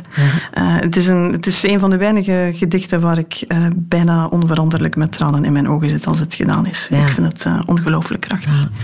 Er wordt deze dagen bijzonder veel poëzie gelezen en gedeeld, merk ik, op alle kanalen. Ehm, is dat voor jou ook een, een troost, poëzie in bange dagen? Ik ben geen grote poëziekenner, moet ik eerlijk zijn. Ik, eh, je zal wel merken, de muziek die ik aangegeven heb eh, aan jullie, eh, en waarvan je er intussen een paar gedraaid hebt, daar is tekst wel altijd heel belangrijk. Dus ja, ik, ik, ik snap het wel, maar ik ken niet genoeg van poëzie om nu te zeggen dat ik nu in mijn bundels aan het duiken ben. Er zijn een aantal dingen die ik ken. Ik ben zo iemand die ook een aantal dingen van buiten leert. Lamento is mij nog nooit gelukt. Het is heel moeilijk om van buiten te leren. Maar eh, ehm, ja, het, het, het, muziek en, en, en, en poëzie zitten daar in mijn ogen heel dicht bij elkaar. Ehm, Wat ik ook vaak hoor in deze moeilijke coronadagen, ook al moeten we binnenblijven, ook al zijn we beperkt in onze vrijheid, toch eh, mogen we toekomstplannen maken, mogen we dromen, mogen we vooruitblikken. Eh, doe jij dat? Heb jij al een eh, plan voor als we terug eh, stilaan onze deur uit mogen? Wat is dan het eerste dat jij zou willen doen? Hmm. Ik, heb, ik heb heel hard opgelet de laatste maanden om hele grote plannen te maken. Ik had gelukkig dus ook voor de laatste bestralingsdag geen groot plan van en dan is het feest of wat dan ook. Gelukkig, Ehm, omdat dat ik- was die ja, bewuste ja. dertiende. Ik heb een broer die mij geleerd heeft, eh, verwacht altijd het slechtste, dan kan het alleen maar meevallen. Nu, een, een algemene lockdown op de laatste bestralingsdag, dat zat dus nog iets lager dan ik eh, verwacht had. Maar het helpt wel. Ehm, mijn ziekte is er een met een hele rare begindatum, omdat je je nog niet ziek voelt. En geen duidelijke einddatum, omdat er nog een paar jaar controles en dergelijke dingen meer eh, komen. En je nooit helemaal zeker weet eh, of het nu ook weer weg is. Dus op dit moment probeer ik niet naar één groot moment toe te leven. Ehm, Mhm.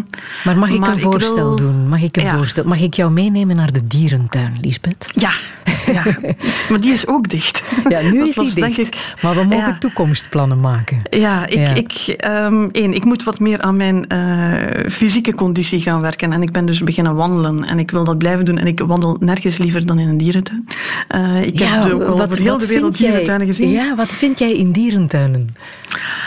Ehm, ik ben een heel klein beetje een, eh, een autist soms, denk ik. Want ehm, ik, ik heb daar mijn vaste route in de dierentuin van Antwerpen. Ja? Ik heb mijn vaste vuilnisbak waar ik mijn, eh, mijn eh, Starbucks-beker insmijt. Echt? Ehm, ik weet hoeveel stappen ik zet in de dierentuin, 4000. Ehm, dus dat is een. Daar, ja, ik, ik loop daar graag door. Je ziet, als je daar heel vaak komt, dan. Ja, je ziet die. Je ziet die dieren bezig en je ziet die groeien en noem maar op. Maar ook in het buitenland ga ik vaak naar eh, dierentuin. Ik vind dat een hele, plek, hele fijne plek om te wandelen. En ehm, Ja. ja, En heb je ook ik eh, favoriete kan het heel dieren? moeilijk uitleggen. Ehm, favoriete dieren, dat wil nogal eens, eh, dat wil nogal eens schuiven. Op dit moment, de- ja, ik mis de kleine gorilla. Ik hoop dat hij niet te veel gegroeid is. Als, De kleine gorilla. Echt. De Zoo van Antwerpen heeft nog een kleine gorilla. En eh, ik hoop dat hij niet te veel gegroeid is als ik terug ga. En als je dan al zoveel eh zoos eh, hebt gezien, kan jij zeggen, dat is er eentje, dat was echt de moeite? Nee, om, ik vind ze bijna, al, bijna altijd al. Je hebt heel af en toe in landen waar um, ze nog een beetje achterop lopen en ze nog in hele kleine kootjes zitten. Dat is dan niet fijn. Dat is, dat is, uh, uh, dat is echt wel van een, uh, van een andere tijd. Maar nee, ik, ik ga er naartoe. Ik neem zo'n plannetje. Ik maak een route waardoor ik alles gezien heb. Um, en, en dat is het. En daar kom ik tot rust. En, en, en daar, dat vind ik gewoon fijn. Dus ja. uh, ik kan die van, uh, van Krakau aanraden. Ik kan die van uh, Emmen in Nederland aanraden. Um, ik zit even te denken, Berlijn heeft een hele mooie zo, Wenen ah. heeft een hele mooie zo. Uh, dat is voor is, als we terug uh, na de coronatijd uh, naar buiten ja, mogen. Dan voilà. mag het weer. Ja. Maar bijvoorbeeld op zo'n moeilijke dag waarop je moest wachten op de diagnose, op de kankerdiagnose, dan trek jij ook naar een dierentuin. Um, hè? Ja, de diagnose kwam één dag eerder dan ik verwacht had. Ze hadden gezegd, het labo heeft nog tot dinsdag nodig. Um, en ik, ik was echt ik was gek aan het worden. En ik ben met Pascal, mijn collega hoofdredacteur, zijn we in de auto gestapt en zij hebben de oefening die we aan het doen waren van hoe gaan we dit aanpakken hebben we gedaan terwijl we in Plankendaal aan het wandelen waren. Mm -hmm. uh, uit het zicht van de redactie. Ook omdat we niet wilden dat iedereen stilaan zou doorhebben dat er iets aan de hand was. Uh, en dus we zaten daar um, even neer toen de telefoon ging en de huisarts uh, mij wist te melden dat het resultaat binnen was. Mm -hmm. En dat het dus niet goed was. Dus dat is een. Ik ben nog niet terug geweest in Plankendaal. Dat zal nog even duren, denk ik. Ja? Um, Omdat ja, daar nu zo'n herinnering Ik zie die plek daar. Ja, ik zie die plek daar waar we zaten en waar iets wat ik al bijna zeker wist, um, plots helemaal zeker werd. En, mm. en ja, Ooit ga ik er wel terug hoor, maar um, het zal even lastig zijn om aan die plek te passeren. Ja. Lisbeth, ik heb nog filmmuziek uit The Remains of the Day. Uh, legendarische film uit uh, begin jaren negentig met Anthony Hopkins en uh, Emma Thompson, de butler en de dienstmeid. Ja. Een film die voor jou betekenis heeft, hè? Ja, dus, dus een van mijn favoriete films. En die gaat voor mij... In liefde en politiek komen er samen. Uh, het gaat voor mij over een leven dat niet geleefd wordt. Als je, een, als je een toeschouwer wordt bij je eigen leven. En de kansen laat voorbij gaan. En uh, na negen maanden kanker kan ik zeker zeggen, leef dat leven. Uh, mm-hmm. Laat het niet zomaar voorbij gaan. Ja, dat is dan de rol van Anthony Hopkins. Die ja. heel getrouw zijn zijn broodheren dient en uh, zichzelf ja. helemaal uitschakelt. Ja. Inderdaad. Nu te zien op Netflix trouwens. Uh, het is een moment ja, om dat soort erop. dingen in te halen en uh, films van vroeger daar nog eens de tijd voor te nemen en lang uit in de sofa te liggen en je helemaal te laten gaan. Ook op deze prachtige muziek.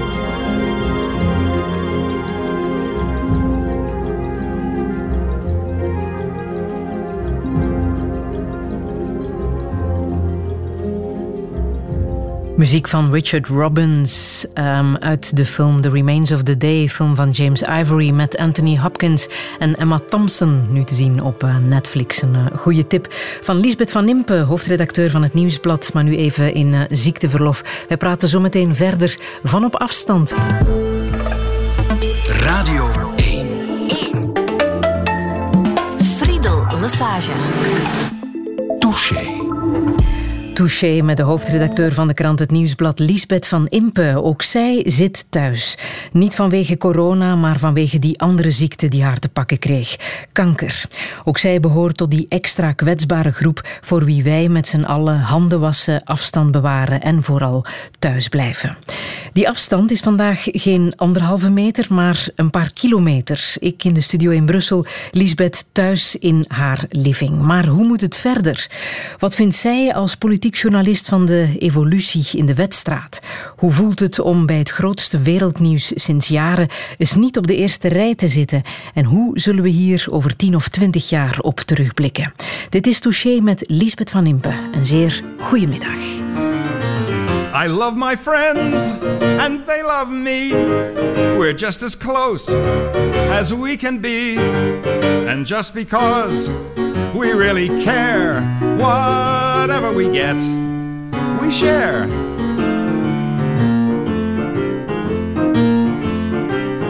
I got it from Agnes, she got it from Jim. We all agree it must have been Louise who gave it to him. Now she got it from Harry, who got it from Marie. And everybody knows that Marie got it from me. Giles got it from Daphne, she got it from Joan, who picked it up in County Cork, a kiss in the Blarney Stone. Pierre gave it to Sheila, who must have brought it there. He got it from Francois and Jacques, aha! Lucky Pierre.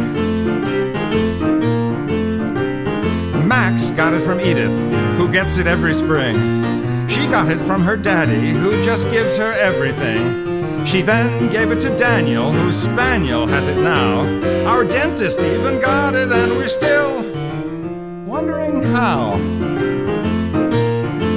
Ah, but I got it from Agnes, or maybe it was Sue, or Millie, or Billy, or Jilly, or Willie, it doesn't matter who. It might have been at the pub, or at the club, or in the loo, and if you will be my friend, then I might. Mind you, I said might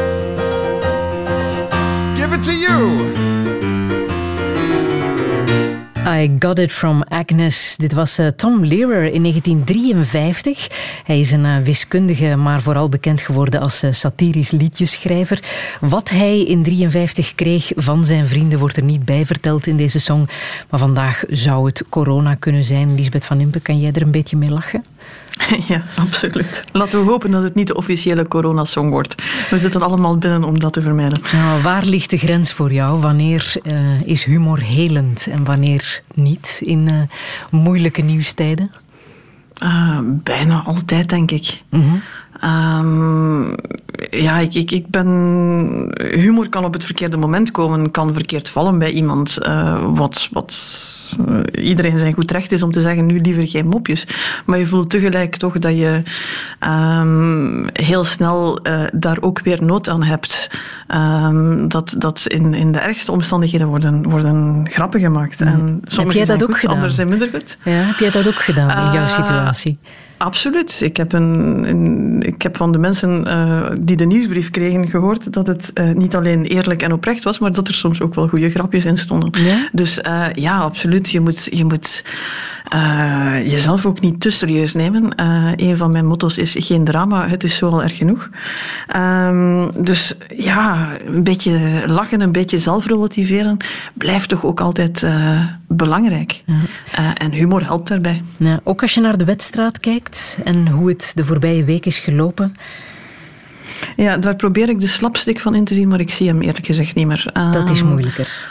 Hm. Ja, daar, um, het, het, pas op, voor mij is het een geruststelling te merken dat ik er nog altijd kwaad van word. Dus dat ik niet zo hard ben beginnen relativeren door uh, mijn vernieuwd perspectief op het leven.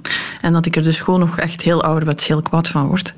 Um, maar, maar wat we de laatste twee weken weer gezien hebben, is toch van een ontstellende treurnis. Uh, en dan heb je het, heb het over de grote kladderadatje van vorig weekend, is het, denk ik. Hè? Mm -hmm. Waar, waar een aantal mensen zich van hun lelijkste kant hebben laten zien en waar woorden gebroken zijn en, en uh, hele kleine belangetjes hebben meegespeeld. Maar je kan dat ook niet loszien van alles wat er voorkomt natuurlijk. Dat we voor de tweede keer op een goede tien jaar met een, een, een crisis van wereldformaat worden geconfronteerd zonder dat we eigenlijk met een treffelijke regering zitten. Met de financiële crisis was dat ook het geval. Dus het feit dat we de tweede keer al een, een soort van noodoplossing nodig hebben, uh, snel bij elkaar gerommeld, uh, om, om, omdat het plots wel echt erg is. Gelooft er nu eigenlijk iemand dat er voor corona geen andere dringende grote problemen waren? Maar we zitten met een politiek die het zich permitteert om een jaar, anderhalf jaar, twee jaar als het nodig is, uh, te gaan onderhandelen om als ze dan samen in de regering zitten dan eindeloos spelletjes te blijven spelen. Ik heb de indruk dat er een aantal zijn die niet meer doorhebben dat je niet altijd een parallele mediastrategie moet hebben. Dat soms verantwoordelijkheid nemen gewoon in je kot blijven en zwijgen is en, en, en een oplossing zoeken. Uh, het cynisme is, is gigantisch. Ik hoor nu voorzitters de particratie aanklagen. Dat ik denk van jongens, jongens, jongens, je, hebt, je zit zelf op een plek waar je daar iets had kunnen aan doen, maar nee. Uh, het cynisme is, is, is grenzeloos. Um, en, en we geraken er niet meer. Um, en dat kan voor een stuk de structuur van het land zijn en al zijn ingewikkeldheid, maar ik. Uh, dus iedereen mag, wat mij betreft, daar uh, bouwen en veranderen wat hij wil.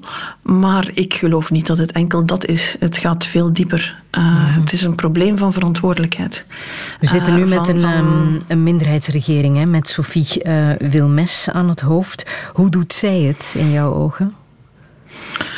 Ja, uh, zij zit daar. Op dit moment denk ik dat je niet anders kan dan dat steunen. Uh, ik heb niet de indruk dat ze op dit moment... Uh, de bandbreedte op dit moment is ook niet zo heel groot. Hè. de reden dat we plots een noodregering konden krijgen...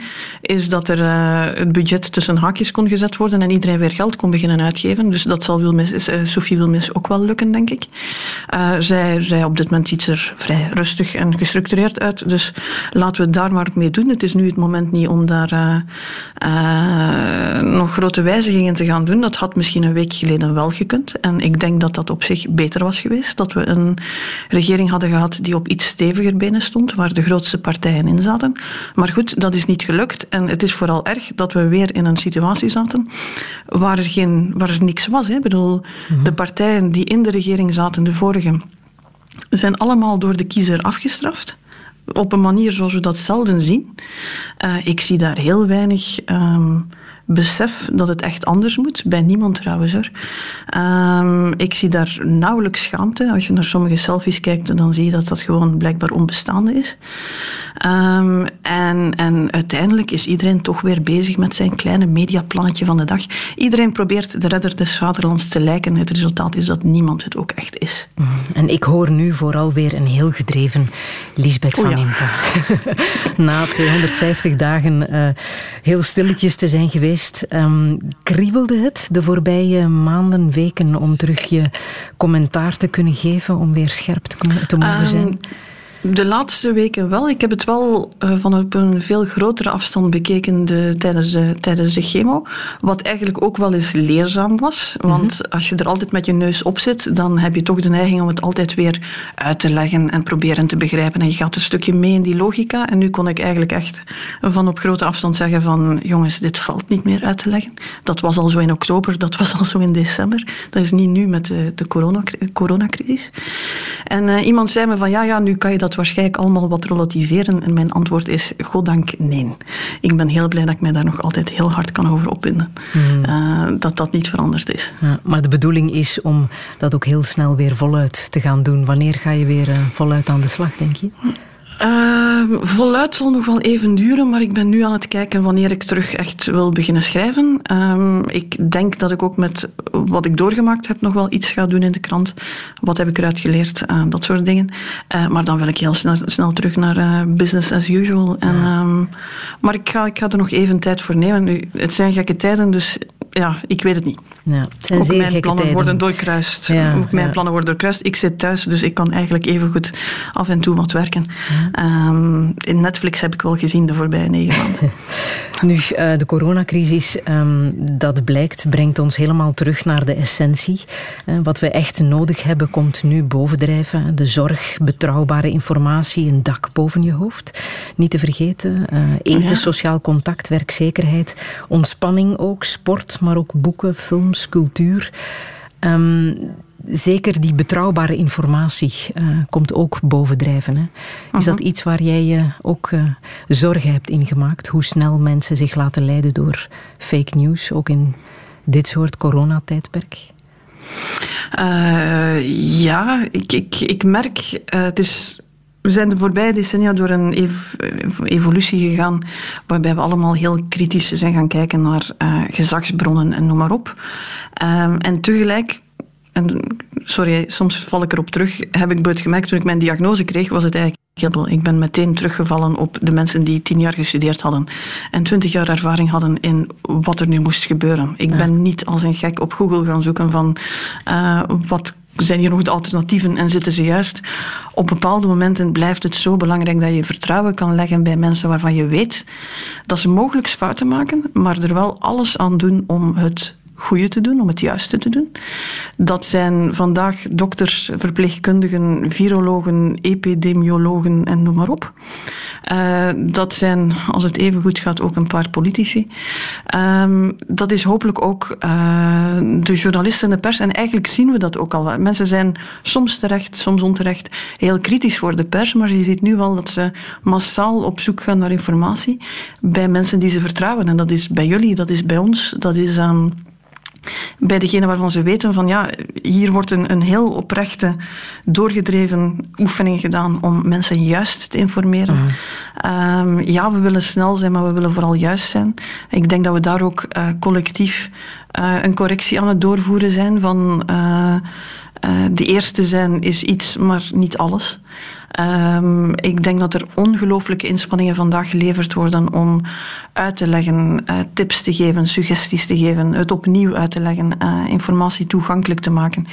Eh, zoals gezegd, we doen dat allemaal voor een, voor een stuk gratis. Dat is ook belangrijk.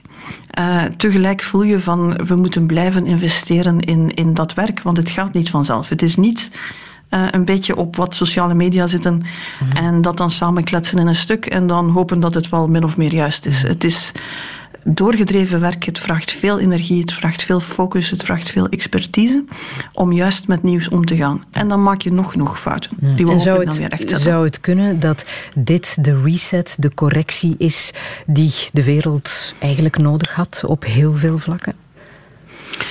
Eh, onderschat nooit het vermogen, denk ik, voor de wereld en mensen om de draad heel snel weer op te pakken. Dus eh, ik acht het mogelijk dat we in een soort van andere wereld terechtkomen na corona. Ehm, ik geloof niet dat dat een utopische wereld zal zijn. Ik bedoel, we gaan door een aantal heel lastige dingen. Eh, economisch zal het, gaat dit een heel serieuze impact hebben. Dus het wordt een zaak om ervoor voor te zorgen dat eh, ook de mensen die al kwetsbaar waren hier niet nog veel kwetsbaarder uitkomen. Eh, om tegelijk een stuk veerkracht terug te vinden. Aan de andere kant, eh, zeg het, eh, onderschat nooit de veerkracht van mensen en de samenleving. We zijn bijzonder goed in heel snel vergeten wat er fout gelopen is en het, eh, de draad terug op te nemen. En dat is, dat is soms een redding. Eh, soms kan je misschien ook hopen dat we misschien collectief ook even nadenken hierachter van ja, wat hebben we nu, wat hebben we nu geleerd, hè? wat nemen we mee? En Eh, hoe gaan we hier anders kunnen doen? Hoe gaan we hier over tien of twintig jaar op terugkijken? Dat valt. Ik denk dat dit wel een van die gebeurtenissen is ehm, waarvan niet te voorspellen is wat de impact zal zijn. Eh, geef het jaren, denk ik, om de volledige impact te voelen. Ehm, in alle richtingen. Eh, we gaan geleerd hebben hoe we thuis kunnen werken en we gaan misschien ook geleerd hebben hoe hard we onze collega's dan missen, hoe moeilijk het is om, om, om samen te werken als je zo ver vaneen zit. We gaan misschien eh, een aantal dingen een tijd lang moeten loslaten, hele verre reizen, dat soort dingen. We gaan misschien ontdekken wat we dan winnen als we thuis blijven en, en, en eh, wat voor elkaar zorgen. Eh, voor hetzelfde geld eh, zie je straks een stormloop op ons oude leven vanaf het weer mag. En dan zal dat ook zo zijn. Je gaat dit niet kunnen sturen. Je gaat alleen elkaar een beetje kunnen vasthouden, denk ik. En hopen dat, je, dat we geen mensen achterlaten.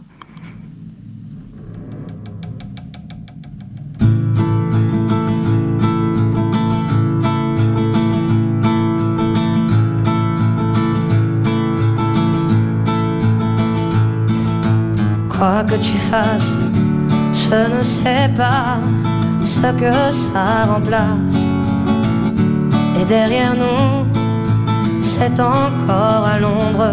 Faut-il encore qu'on raconte que quelque chose nous revienne?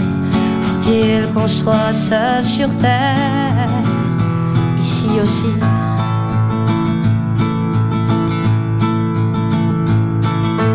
Boire pour la soif, je ne sais pas ce qui de nous deux restera.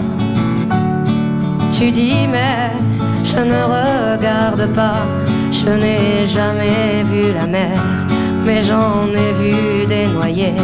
Comment fais-tu pour oublier, pour oublier?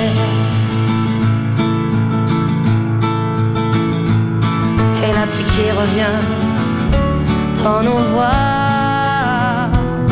pas une chanson, je ne à toi. Dans ce monde inhabitable, il vaut mieux danser sur les tables à bord coton qu'on se revoit, qu'on se revoit.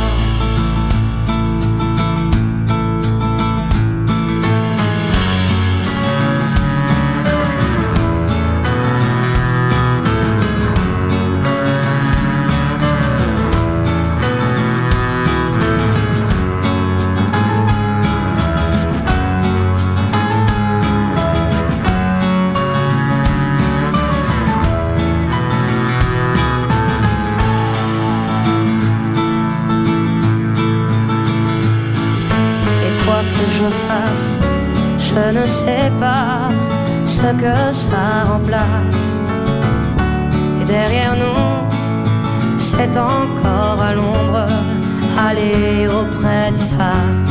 Et la vie est sans phare, à bord coton qu'on se revoit. Dans ce monde inhabitable, il vaut mieux danser sur les tables, à bord coton qu'on se revoit, qu'on se revoit. Port Coton, bezongen door Zaas, Lisbeth van Impe. Dit is een uh, lied met uh, betekenis voor jou, hè? Ja, dus dit is uh, melancholie in een liedje. Hè? Ik bedoel, um, ik, ja, ik weet eigenlijk maar half waarover het gaat. Het is, het is een wat poëtische tekst die, mm -hmm. die, ja, goed, maar die een soort van melancholie weet te vatten die zeer goed gepast heeft bij de voorbije maanden. Ja. Wat mis jij het meest op dit moment? Op dit moment heel acuut uh, mensen. Uh, mijn, mijn, mijn vrienden, die, uh, mijn familie, die de voorbije maanden waanzinnig veel voor mij gedaan hebben. Ik, ik weet dat ik vroeger, uh, toen een vriendin ziek was, dacht van stel dat ik dit zou krijgen, hoe zou ik dat in hemelsnaam doen uh, als, als single, als je alleen bent? Dat leek mij niet uh, heel moeilijk te organiseren. En eigenlijk, ik denk dat ik een week na de diagnose al wist van hier ga ik mij geen zorgen moeten over maken. Mensen hebben verschrikkelijk veel voor mij gedaan. Mm -hmm. En het, ja, het, het, valt mij eerlijk ja, nu wel zwaar dat ik, dat ik net nu um, nog minder mensen zie, uh, nog meer afstand moet mm-hmm. houden. Uh, vrienden zijn, zijn, zijn verschrikkelijk belangrijk in mijn leven. Maar had je graag een en, partner en, gewild? Ja, dat ook. Um, ik ben alleen. Um, ik zit niet in een, een, Mijn leven is geen wachtkamer. Dus uh, mijn leven is best oké. Uh, maar um, ik heb nooit kinderen gewild. Dat is een heel bewuste keuze. Uh, vraag me niet goed waarom. Ik weet dat eigenlijk niet. Ik heb alleen gemerkt van ja, dat is voor mij geen, geen droom. dat is een, een parallel leven dat nooit het mijne is geweest. Maar een partner heb ik, zou ik wel willen. En goed, mijn leven is zo ingericht dat het ook... Ik, ik weet hoe dubbel het soms is hoor. Ik weet niet of ik er... Uh, ik zou er ruimte voor moeten maken die er, die er nu niet automatisch is. Maar ik hoop nog wel dat dat ooit nog wel eens uh, wel de juiste man, de juiste plaats, de juiste tijd is. Hmm. Want eh, dat is nog nooit gelukt. Ik durf het vragen omdat je tegelijk ook heel erg graag alleen bent. Hè? Ja. Ja, dus dat maakt dat het, dat het dubbel is. Ik, ik vind het heel belangrijk dat ik... eh, ik zit niet naast de telefoon te wachten. Eh, dus eh, dat vind ik heel belangrijk. En mijn leven is niet, on, is niet onvolledig. stel dat ik... Dat al die puzzelstukjes niet op de juiste plaats vallen. En ik weet hoe hard ik het nodig heb om alleen te zijn. Dat is nu een beetje een zegen natuurlijk. Ehm, maar voor mij is vakantie twee weken naar een stad gaan, een stapel boeken, een pak musea, lange wandeltochten. En eigenlijk met de expliciete eh, intentie om eh, zo weinig mogelijk met mensen te spreken. Mijn job is heel sociaal. Ik ben de hele dag op een redactie bezig, eh, waar 180 man rondloopt, waar heel veel te doen is. Ehm, wat, heel veel, wat, wat ik fantastisch vind, maar ik heb ook die periodes nodig dat ik echt tegen niemand spreek. Ehm, dat ik ook mijn mails niet check, dan lees ik ook geen kranten. Dan, dan haak ik echt helemaal af. En zo kom ik tot rust. Ehm, en ik heb dat ook nodig. Dus ik weet nog altijd niet als ik eens de perfecte man tegenkom op het perfecte moment, op de perfecte plaats, hoe ik dat moet uitleggen dat ik eh, ook, ook nog wel eens graag helemaal alleen ben en zelfs voor langere tijd. En dat ik dat gewoon nodig heb om mijn batterijen op te laten, om eh, mezelf terug te vinden, om rust te krijgen in het, in het hoofd en in de gedachten. En eh, ja, En waar trek, je, waar trek je naartoe als je alleen wil zijn? Heb je vaste plekken? Tot voor ik ziek was, ehm, eh, was dat vaak naar steden. Alhoewel, ik heb één gekke plek. Ehm, in, in Nederlands Limburg eh, heb je de Schadijkse bossen. Die liggen gewoon vlakbij een centerpark, waar ik wel eens kom. Eh, waar ik ook helemaal alleen naartoe ga. En niet om in de glijbanen te zitten, maar gewoon om te gaan wandelen. En daar staat midden op een stukje heide een, een, zo'n boom die er in de winter eh, wat mistroostig, maar tegelijk heel mooi uitziet. Die zo afsteekt tegen de lucht. Die staat zo'n beetje op een heuveltje. En daar ben ik de laatste twee jaar toch zeker vijf, zes keer naartoe geweest. Dat is een wandeling en, en die ligt daar zo half weg. En dat is mijn boom. Mijn familie weet dat ook. We zijn daar eens samen geweest en we hebben foto's aan de boom. En iedereen weet waar die boom staat. Ehm, dat is een, een, een, een, een wat gekke plek. Ehm, als je daar helemaal alleen loopt, eh, ja, kijk je wel eens om je eh, eh, achterom om te zien van ja, ben ik hier nu echt helemaal alleen? Maar dat is een plek waar ik naartoe ga en waar ik een soort rust vind. die in het, het dagelijkse professionele leven natuurlijk heel, heel schaars is. Ja, en die, Dat is die hunker om af en toe alleen te zijn zit ook wat in jouw favoriete schilderij, hè? Hotel Room van Ja. Edward Hopper, waar een vrouw alleen aan een toog zit in een eh, café. Moet ik jou zo voorstellen als jij in grootsteden alleen twee weken met een stapel boeken je terugtrekt? Ja, ik, ik zie Hopper nu met de corona-lockdown eh, heel veel passeren plots op sociale media. Omdat hij natuurlijk, is bijna de, de schilder van, van, van het eenzame stadsleven. En, en waar ook als er veel mensen aan die toog zitten, die precies toch allemaal alleen zitten. En ik kan mij voorstellen dat dat voor veel mensen ook er een beetje triestig uitziet. Voor mij is dat, het hangt een beetje af van hoe ik me op dat moment voel. Maar dat is niet triestig. Er zit ook iets heel, ehm, hoe zou ik het zeggen? Ehm, ik, ik kan, kan alleen zijn ook echt wel koesteren. En, en dat, dat schilderij van een vrouw die op een hotelkamer zit, je ziet de koffers staan, ze is waarschijnlijk op weg naar ergens. Je kan het niet goed afleiden, maar voor mij is dat geen, geen triest beeld. Het is misschien een beetje melancholisch, maar niet triest. En ja, dat ben ik. Soms. Je zegt, eh, kinderen heb ik nooit echt gewild, maar mag ik zeggen dat je toch wel een beetje een moeder bent voor twee meisjes, Salma en haar zus Nihat. Ze zijn zo ongelooflijk blij dat jij eh, je tumor hebt kunnen overwinnen en die willen jou iets zeggen, Lisbeth. Mag ik jou dat laten horen? Hey Lisbeth, heel de familie Rafik is ontzettend blij voor u. Je bent een sterke vrouw en je hebt het nog één keer kunnen bewijzen. Eindelijk heb je Tovi kunnen overwinnen. Je bent een geweldige vrouw en iedereen zou een Lisbeth in zijn leven moeten hebben. Ik en mijn familie zijn jou eeuwig dankbaar voor alles wat je voor ons hebt gedaan. En nu, een nieuwe start. Touché. Salma en Nihat, iedereen zou een Lisbeth in hun leven moeten hebben. Ik word er zelf een beetje emotioneel van. Ik kan Sorry, niet ja. zien, Lisbeth. Maar eh, Eh, ja, je zal even moeten spreken, want Ja. eh, ik heb het even Dit lastig. zijn twee zusjes die ehm, eh, ook naar Tada gaan. Hè? Die naar het toekomstatelier de l'Avenir gaan in Brussel, in Molenbeek, waar je zo net al heel even naar verwees. Jij bent buddy van Salma. Ja, ik ben buddy van Salma en dus ook van haar zussen natuurlijk. Uh, Salma ken ik intussen vijf jaar en de hele familie dus ook. Uh, toen ze in het, uh, even denken, eerste middelbaar zat. En dat, dus Tada heeft groepsactiviteiten, maar als uh, kinderen, uh, Tada-leerlingen, uh, in het middelbaar um, in de problemen komen op school, um, dan kunnen ze een buddy vragen. En Selma had last met wiskunde. En ik ben dus bijles wiskunde beginnen geven. Bij hen thuis in de living. En dan ja, zijn de andere zussen natuurlijk ook gepasseerd met vragen. En ik kom daar intussen vijf jaar.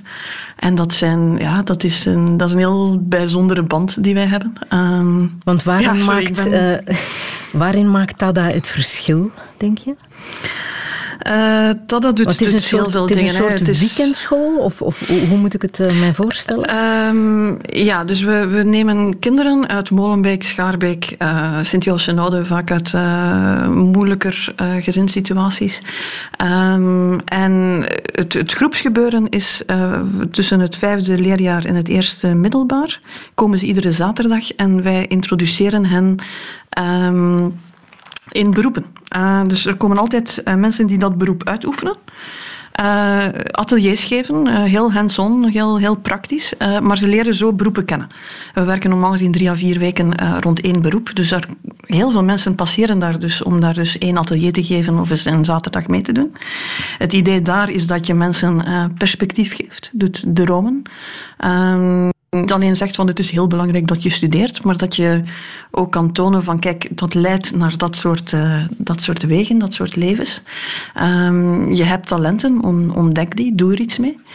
Uh, en tegelijk uh, werken we heel hard op um, leren voor een groep spreken, leren samenwerken, leren discussiëren, van mening verschillen, dat soort dingen.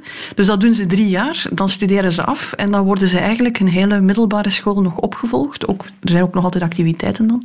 Maar dus dan gaat het ook echt over studieondersteuning, studiebegeleiding. En zo ben ik dan bij Selma terechtgekomen. En dus ik ga mee naar oudercontacten. Ik... Uh, uh, maak afspraken over, uh, met haar over waar we de lat leggen dat jaar. En uh, als de rapporten goed zijn, dan doen we een uitstap. Mm -hmm. Maar natuurlijk, ja, als je vijf jaar ergens komt, dan gaat dat veel verder dan een bijles wiskunde natuurlijk. En, dat mm. zijn, en dit is ja, ook een beetje dus... jouw antwoord op 22 maart, vandaag trouwens ja. vier jaar geleden, hè, de aanslagen in Zaventem ja. en Maalbeek, waarvan je zo net zei, ja, zelfs een hoofdredacteur van een krant weet het niet hoe zoiets kan gebeuren, um, hoe je daar een antwoord moet op geven. Maar jij hebt het gedaan vanuit je, je eigen uh, mogelijkheden, uh, contact Tada leggen met daar, een wereld die jij ja. niet kent. Ja, dat is daar mijn, mijn, in de eerste plaats voor mezelf. Uh, gaan zoeken naar wat is hier aan de hand, wat kunnen we doen. Ik weet niet hoe we uh, de problemen in Brussel gaan oplossen. Ik weet niet hoe we um, de problemen die er zijn, die reëel zijn en die uh, heel veel facetten kennen, hoe we dat allemaal gaan, gaan aanpakken. Maar ik weet wel dat we het niet gaan oplossen door er alleen maar over theoretisch na te denken of ideologische posities over in te nemen. Ik denk dat we gewoon de handen ook uit de mouwen moeten steken. En uh, ik heb daar zelf ook verschrikkelijk veel aan. Ik doe dat niet enkel voor hen, ik doe dat ook echt voor mezelf.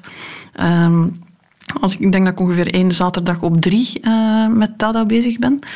Um, in gezonde tijden. En um, dat zijn voor mij ook de momenten dat ik dan helemaal afhaak van de krant en het werk. Uh, dat ik helemaal daarop focus. Je leert er heel veel mensen kennen. Je werkt er met mensen samen. Je ziet die jonge gasten bij tijden openbloeien. Je ziet hun het, het potentieel dat daar zit en dat we, als we niet opletten, uh, kwijt zijn over, een paar jaar later. Um, maar als we dat juist aanwakkeren, waar, waar zoveel kracht, zoveel energie, uh, zoveel mogelijkheden zitten. Um, en dat, het voelt goed om daar iets mee te doen. Ja.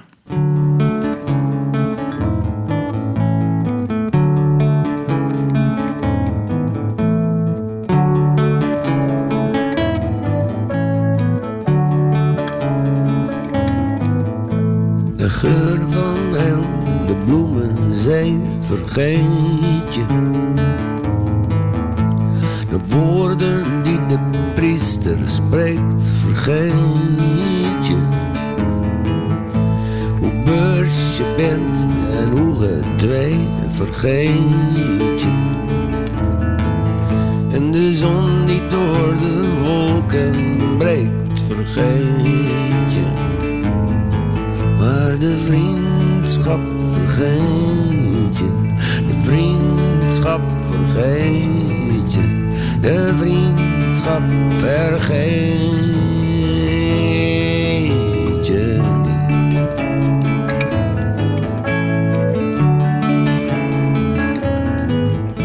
De tranenvloed die je verdooft, vergeet je. Het doffe, barre ongeloof, vergeet je. Het verdriet dat je voelt en ziet, vergeet je. En de aard van God die geeft en rooft, vergeet je. En de dunne zon vergeet je. De vriendschap vergeet je. De vriendschap vergeet je. De vriendschap vergeet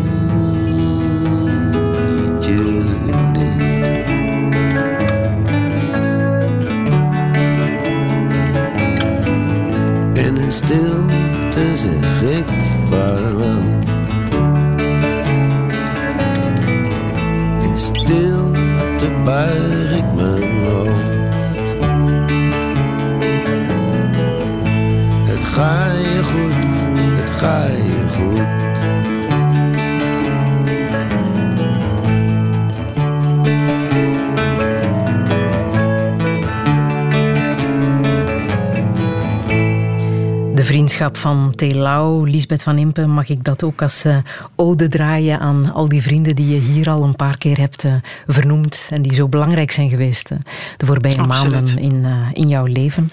het is duidelijk hè, dat vriendschap voor jou helemaal bovenaan is komen te staan. Welke afspraken maak je als je door zo'n crisis gaat, zo'n kankercrisis? Wat waren voor jou de belangrijkste dingen om met je vrienden te kunnen bespreken? Um, ze hebben allemaal verschillende rollen gespeeld. Um, een van de, de um, mooiste dingen en een van de belangrijkste dingen heeft iemand op de redactie uh, tegen mij gezegd, ook een Lisbeth, die zelf ook iets meegemaakt had in haar uh, privéleven. En zij had me gezegd, wees ook niet te streng voor je vrienden. Je hoort vaak van nu ga je zien wie je echte vrienden zijn en daar zit al de ontgoocheling ingebakken van ja, ze zullen, er zullen er heel veel wegvallen. Uh, ik heb die ervaring niet gehad. En zij zei van nee, je gaat zien wie je vrienden echt zijn.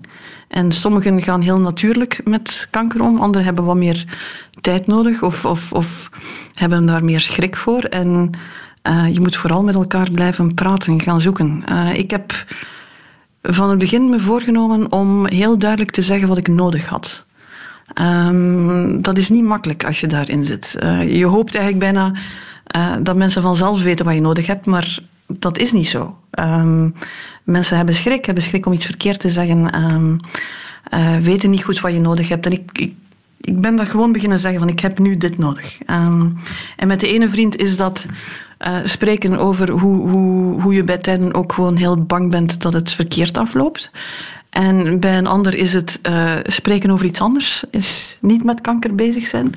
En, en nog andere mensen hebben hier staan afwassen en hebben soep gebracht en hebben uh, gewoon getoond dat ze er zijn en dat ik maar moest uh, een geel geven of ze kwamen helpen. Dus afspraken maken, ik, ik wist er was één ding wat ik, waar ik niet tegen kon, dat is dokter Google. Dus ik heb van het begin heel hard mijn vertrouwen bij mijn dokters gezegd, uh, waar ik uh, ook heel blij mee ben, want die hebben, van, allee, die hebben dat fantastisch gedaan. En dus, uh, nee, iemand die zei van, ik heb dit gevonden op het internet, daar, daar kon, ik, kon mm. ik niet goed tegen. Heb ik dan ook gewoon gezegd. ik denk dat we soms vandaag de fout maken... Um, met voor alles en nog wat lijstjes te maken van dingen die je niet mag zeggen. Uh, je kent die lijstjes ongetwijfeld. Uh, of mensen een beperking hebben, mensen ziek zijn, mensen een tegenslag tegengekomen zijn. Uh, we, helpen, we proberen soms te helpen door te zeggen, en dat mag je allemaal niet zeggen. Terwijl het grootste probleem vaak als je mensen bezig wordt die iets tegenkomen, is dat mensen bang zijn om iets te zeggen. We moeten die schrik voor een stuk wegnemen. En dat mm. kan alleen maar door heel goed te luisteren. Als iemand aangeeft van ja, dit is nu iets waar ik het lastig mee heb. Uh, zo zie ik het zelf niet, zo aanvaard, uh, ervaar ik het zelf niet. Hier erger ik me aan. Dat we dat kunnen zeggen, eerder dan het gesprek maar uit alle veiligheid niet te voeren. Want dat mm. gebeurt denk ik te vaak. Maar mijn vrienden hebben dat fantastisch gedaan. Mm. Um, en dat gaat van vriendschappen die heel lang teruggaan. Um, Bert Bulting, dat gaat terug tot de morgen. Jan, dat gaat terug van toen ik uh, nog op de middelbare school zat. Tot mijn, mijn collega hoofdredacteur die ja, collega is al lang geen juist woord meer, maar dat is een heel, heel hechte band geworden. Uh, was het al, is het alleen nog maar hechter geworden. Daar moet ik gewoon een, uh, een standbeeld voor oprichten, denk ik, voor Pascal. Die zit nu onder zijn zetel, want die vindt het vreselijk als ik hem verhaal. is de hoofdredacteur die niet op televisie komt. Mm-hmm. Maar... Um, ja, zoveel mensen hebben mij hier doorgesleept en dat is zo belangrijk en ik hoop alleen maar dat ik het ooit kan uh, teruggeven. Mm-hmm. Ben jij bang om te hervallen? ja, uh, niet de hele tijd, niet constant. Uh, ik zit met uh, eh, 5 à 10 procent kans. En dan denken mensen van, god, dat is bijna niks. dan moet je het hebben om te weten dat dat dan toch 1 op 20, 1 op 10 is. Um, ervaring van dat soort percentages verandert heel hard als je ziek bent. Uh, iedereen stapt op een vliegtuig dat naar een bestemming gaat waar met 90% zekerheid de zon schijnt. Niemand stapt op een vliegtuig dat maar 90% kans heeft om aan te komen. Uh, cijfers zijn, zijn helemaal anders als, je het, uh, als het plots gaat over je leven. ik ben daar bang voor, maar... Um, ik zal dat een plaats moeten geven. Je hebt twee manieren, denk ik, om positief te blijven. Positief blijven kan je doen door heel hard te focussen op het komt wel goed. En ik heb alle begrip voor mensen die dat doen. Dat is niet hoe het voor mij werkt. Uh, voor mij gaat het, is positief blijven de, de werkelijkheid.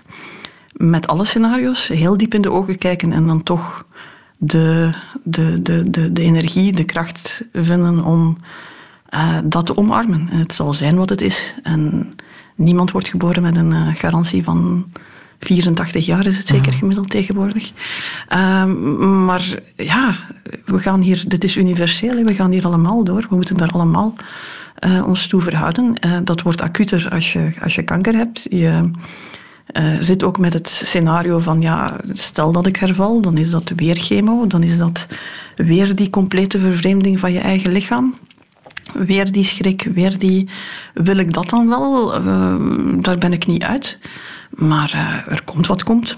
En uh, ik ben deze periode goed doorgekomen, dankzij veel mensen. Ik heb daar ook goede dingen uit gehaald. Uh, ik ga ervan uit dat als wat er ook op mijn pad komt, dat dat ook weer het leven moet geleefd worden. Lisbeth, ik heb hier uh, jouw favoriete boek bij mij liggen. Gloed ja. van uh, Sandor Marai. Toevallig ook mijn favoriete boek. Um, okay. Er is één, één passage die we misschien wel even kunnen kunnen lezen. Dan lezen ja. mensen meteen even mee met ons. Ja. Het, het, is, het is voor mij waar het uiteindelijk allemaal om draait. Um, zal ik even voorlezen? Mm -hmm. of? Ja. Um, op de belangrijkste vragen geeft de mens uiteindelijk met zijn hele leven antwoord. Het maakt niet uit wat hij tussendoor zegt, welke woorden en argumenten hij aanvoert om zich te verdedigen.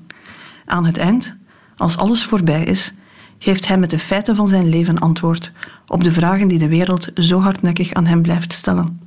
Die vragen luiden: Wie ben jij? Wat wilde je echt? Waartoe was je werkelijk in staat? Waaraan was je trouw en ontrouw? Waarvoor of voor wie was je moedig genoeg of te laf? Dat zijn de vragen. En de mens geeft antwoord naar het beste kunnen. Eerlijk of leugenachtig, maar dat is niet zo belangrijk. Wat wel belangrijk is, is dat hij uiteindelijk met zijn hele leven antwoordt. Ja. Hoe antwoord jij op deze Wel, vragen? Ik denk dat we voor een stuk de voorbije twee uur. Het zijn Al veel antwoorden hebben gegeven. Het zijn bijna ja. de touché-vragen. Ja. Wat ik er zo mooi aan vind, aan de ene kant legt dat de lat heel erg hoog. Wat je doet, doet ertoe. Op het einde moet je voor jezelf een soort van rekening maken. En, en je, je, je je zal ooit achterom kijken. Er zullen dingen zijn waar je spijt van hebt en er zullen dingen zijn waar je trots op bent. Dat legt de lat heel hoog voor je leven. En tegelijk relativeert het een beetje. Het is niet die ene discussie vandaag, dat ene kleine ding dat je vandaag beter had kunnen doen. Het gaat uiteindelijk erover of je blijft verbeteren, blijft naar jezelf kijken en blijft proberen het goede te doen. En dat is tegelijk heel clement, dat is heel genadig. Um, heel veel gebeurt vandaag op heel korte termijn met, met heel hoog oplopende emoties en het perspectief van jaren, van decennia van een leven. Als je dat perspectief neemt, dan kan je soms ook genadig voor jezelf zijn. Dan kan je terugkijken en denken van dat had ik beter gedaan. Maar had ik beter anders gedaan? Maar dat heb ik goed gedaan. En, en daar mag ik best trots op zijn. Dus uh, voor mij is het een beetje een manier om naar een leven te kijken. Niet van vandaag op morgen, maar op de lange termijn, wat blijft er over? Wat steekt er bovenuit? En, en, en hoe ga ik daarmee verder? Dus wie ben ik? Iemand die dat probeert te doen. En dat gaat met vallen opstaan, zoals voor ons allemaal geldt, denk ik.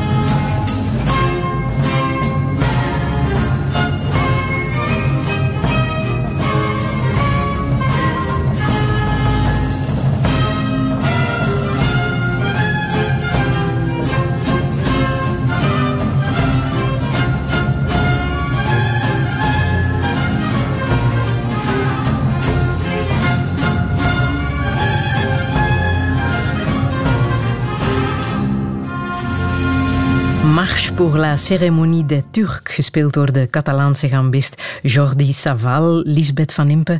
Waarom wou je dit uh, zeker laten horen? Eén, omdat ik uh, toen ik naar mijn muziek keek die ik gesuggereerd had, dat ik dacht van er moet toch echt ook iets vrolijks tussen zitten. dit, is, uh, dit is Versailles, dit is uh, de Zonnekoning.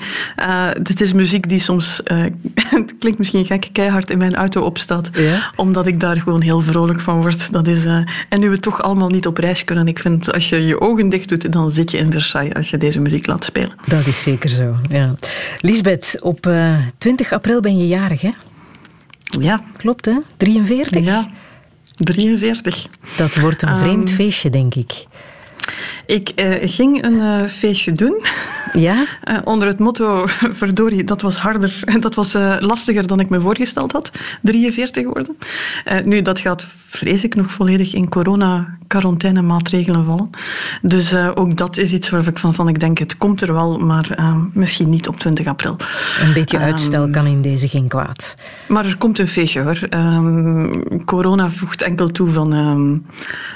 ja, het is allemaal lastig genoeg laten we af en toe ook maar een feestje doen. Ja, ja. Ik heb wel wat mensen die ik moet bedanken. We moeten het, uh, het leven vieren natuurlijk. Um, wat zou je echt nog willen in het leven? Gewoon nog zoveel. Um, voor het eerst uh, zit daar een lijstje bij van dingen die ik niet wil. Dus als het even kan, niet hervallen, uh, niet opnieuw ziek worden, niet opnieuw chemo.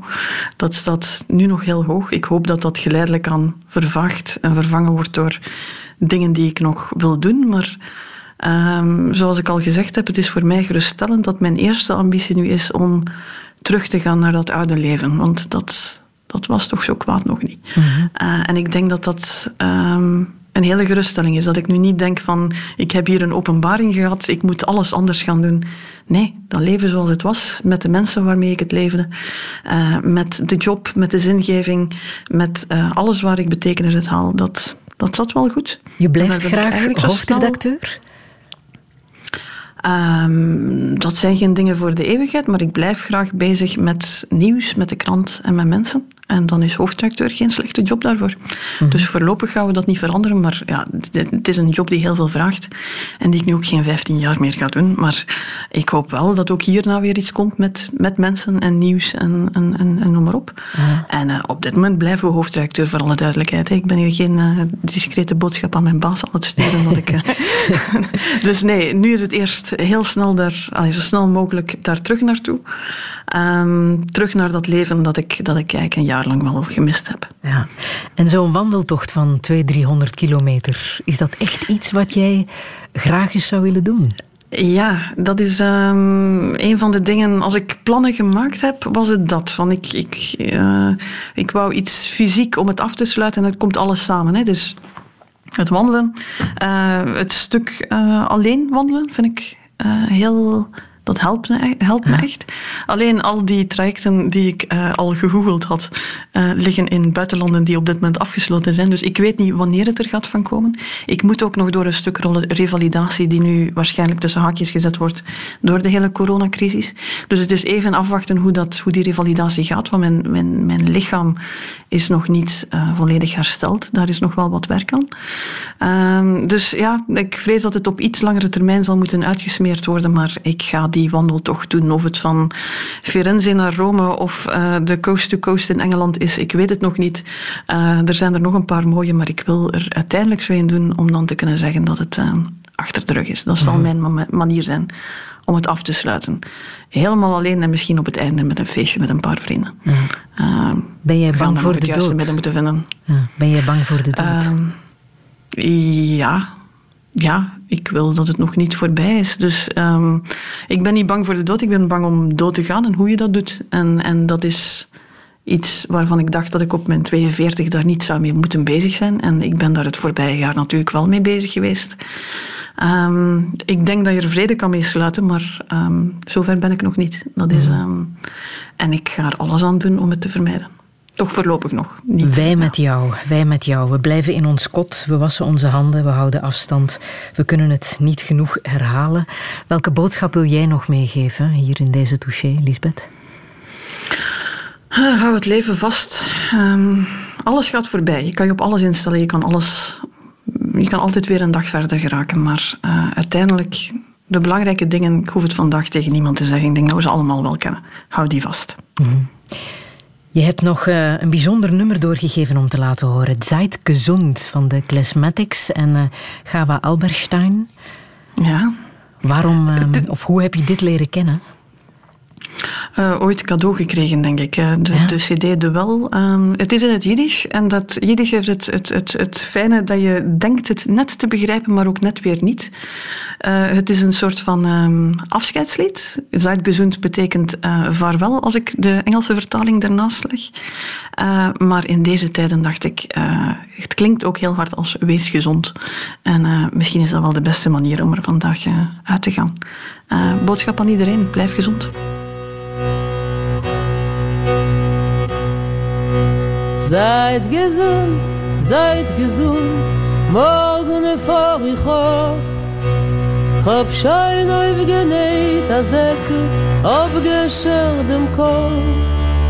Aber kommen schein a Garte, zu genäht zum Keit.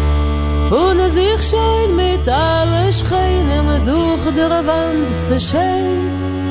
Seid gesund,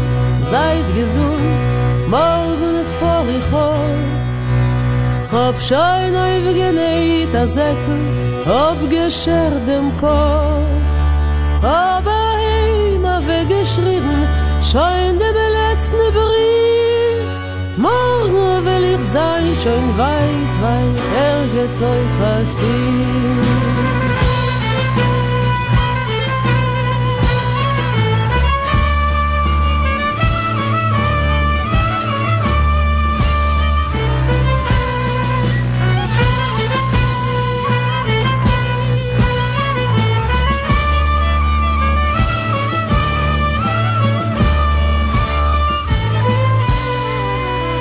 Seid gesund, seid gesund, morgen vor ich hoch. Hab schein auf geneit a Säcke, hab geschert dem Korb. Aber kommen schein a Garte zu geneit zum Keit. Und es ich schein mit alle Scheinem durch der Wand zu schein. Seid gesund, seid gesund, morgen vor ich hoch. Hab schein auf geneit a hab geschert dem Korb. Aber heim habe geschrieben, schein dem letzten Brief. Morgen will ich sein schon weit, weit, er wird so verschrieben.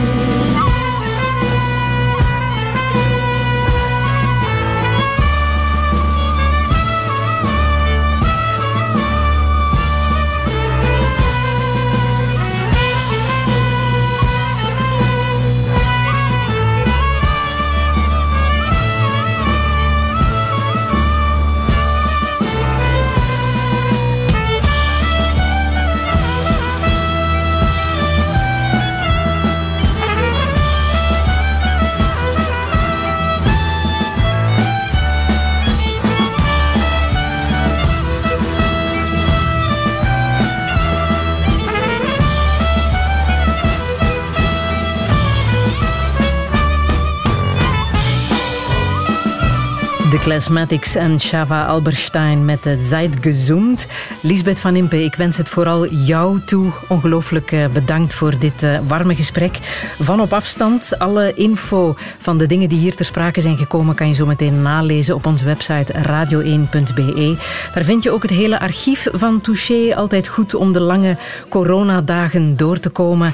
En uh, straks is er Grand Cru met daarna Floris Dalemans en Dada Dalemans. Een beetje een andere zondag dan jullie van ons gewoon zijn. En tussen vijf en zes een nostalgische uh, trip naar uh, de toestand is hopeloos, maar niet ernstig. Ik wens iedereen een heel fijne en warme zondag toe. Herbeluister Touché via de podcast, de Radio 1 app en radio1.be.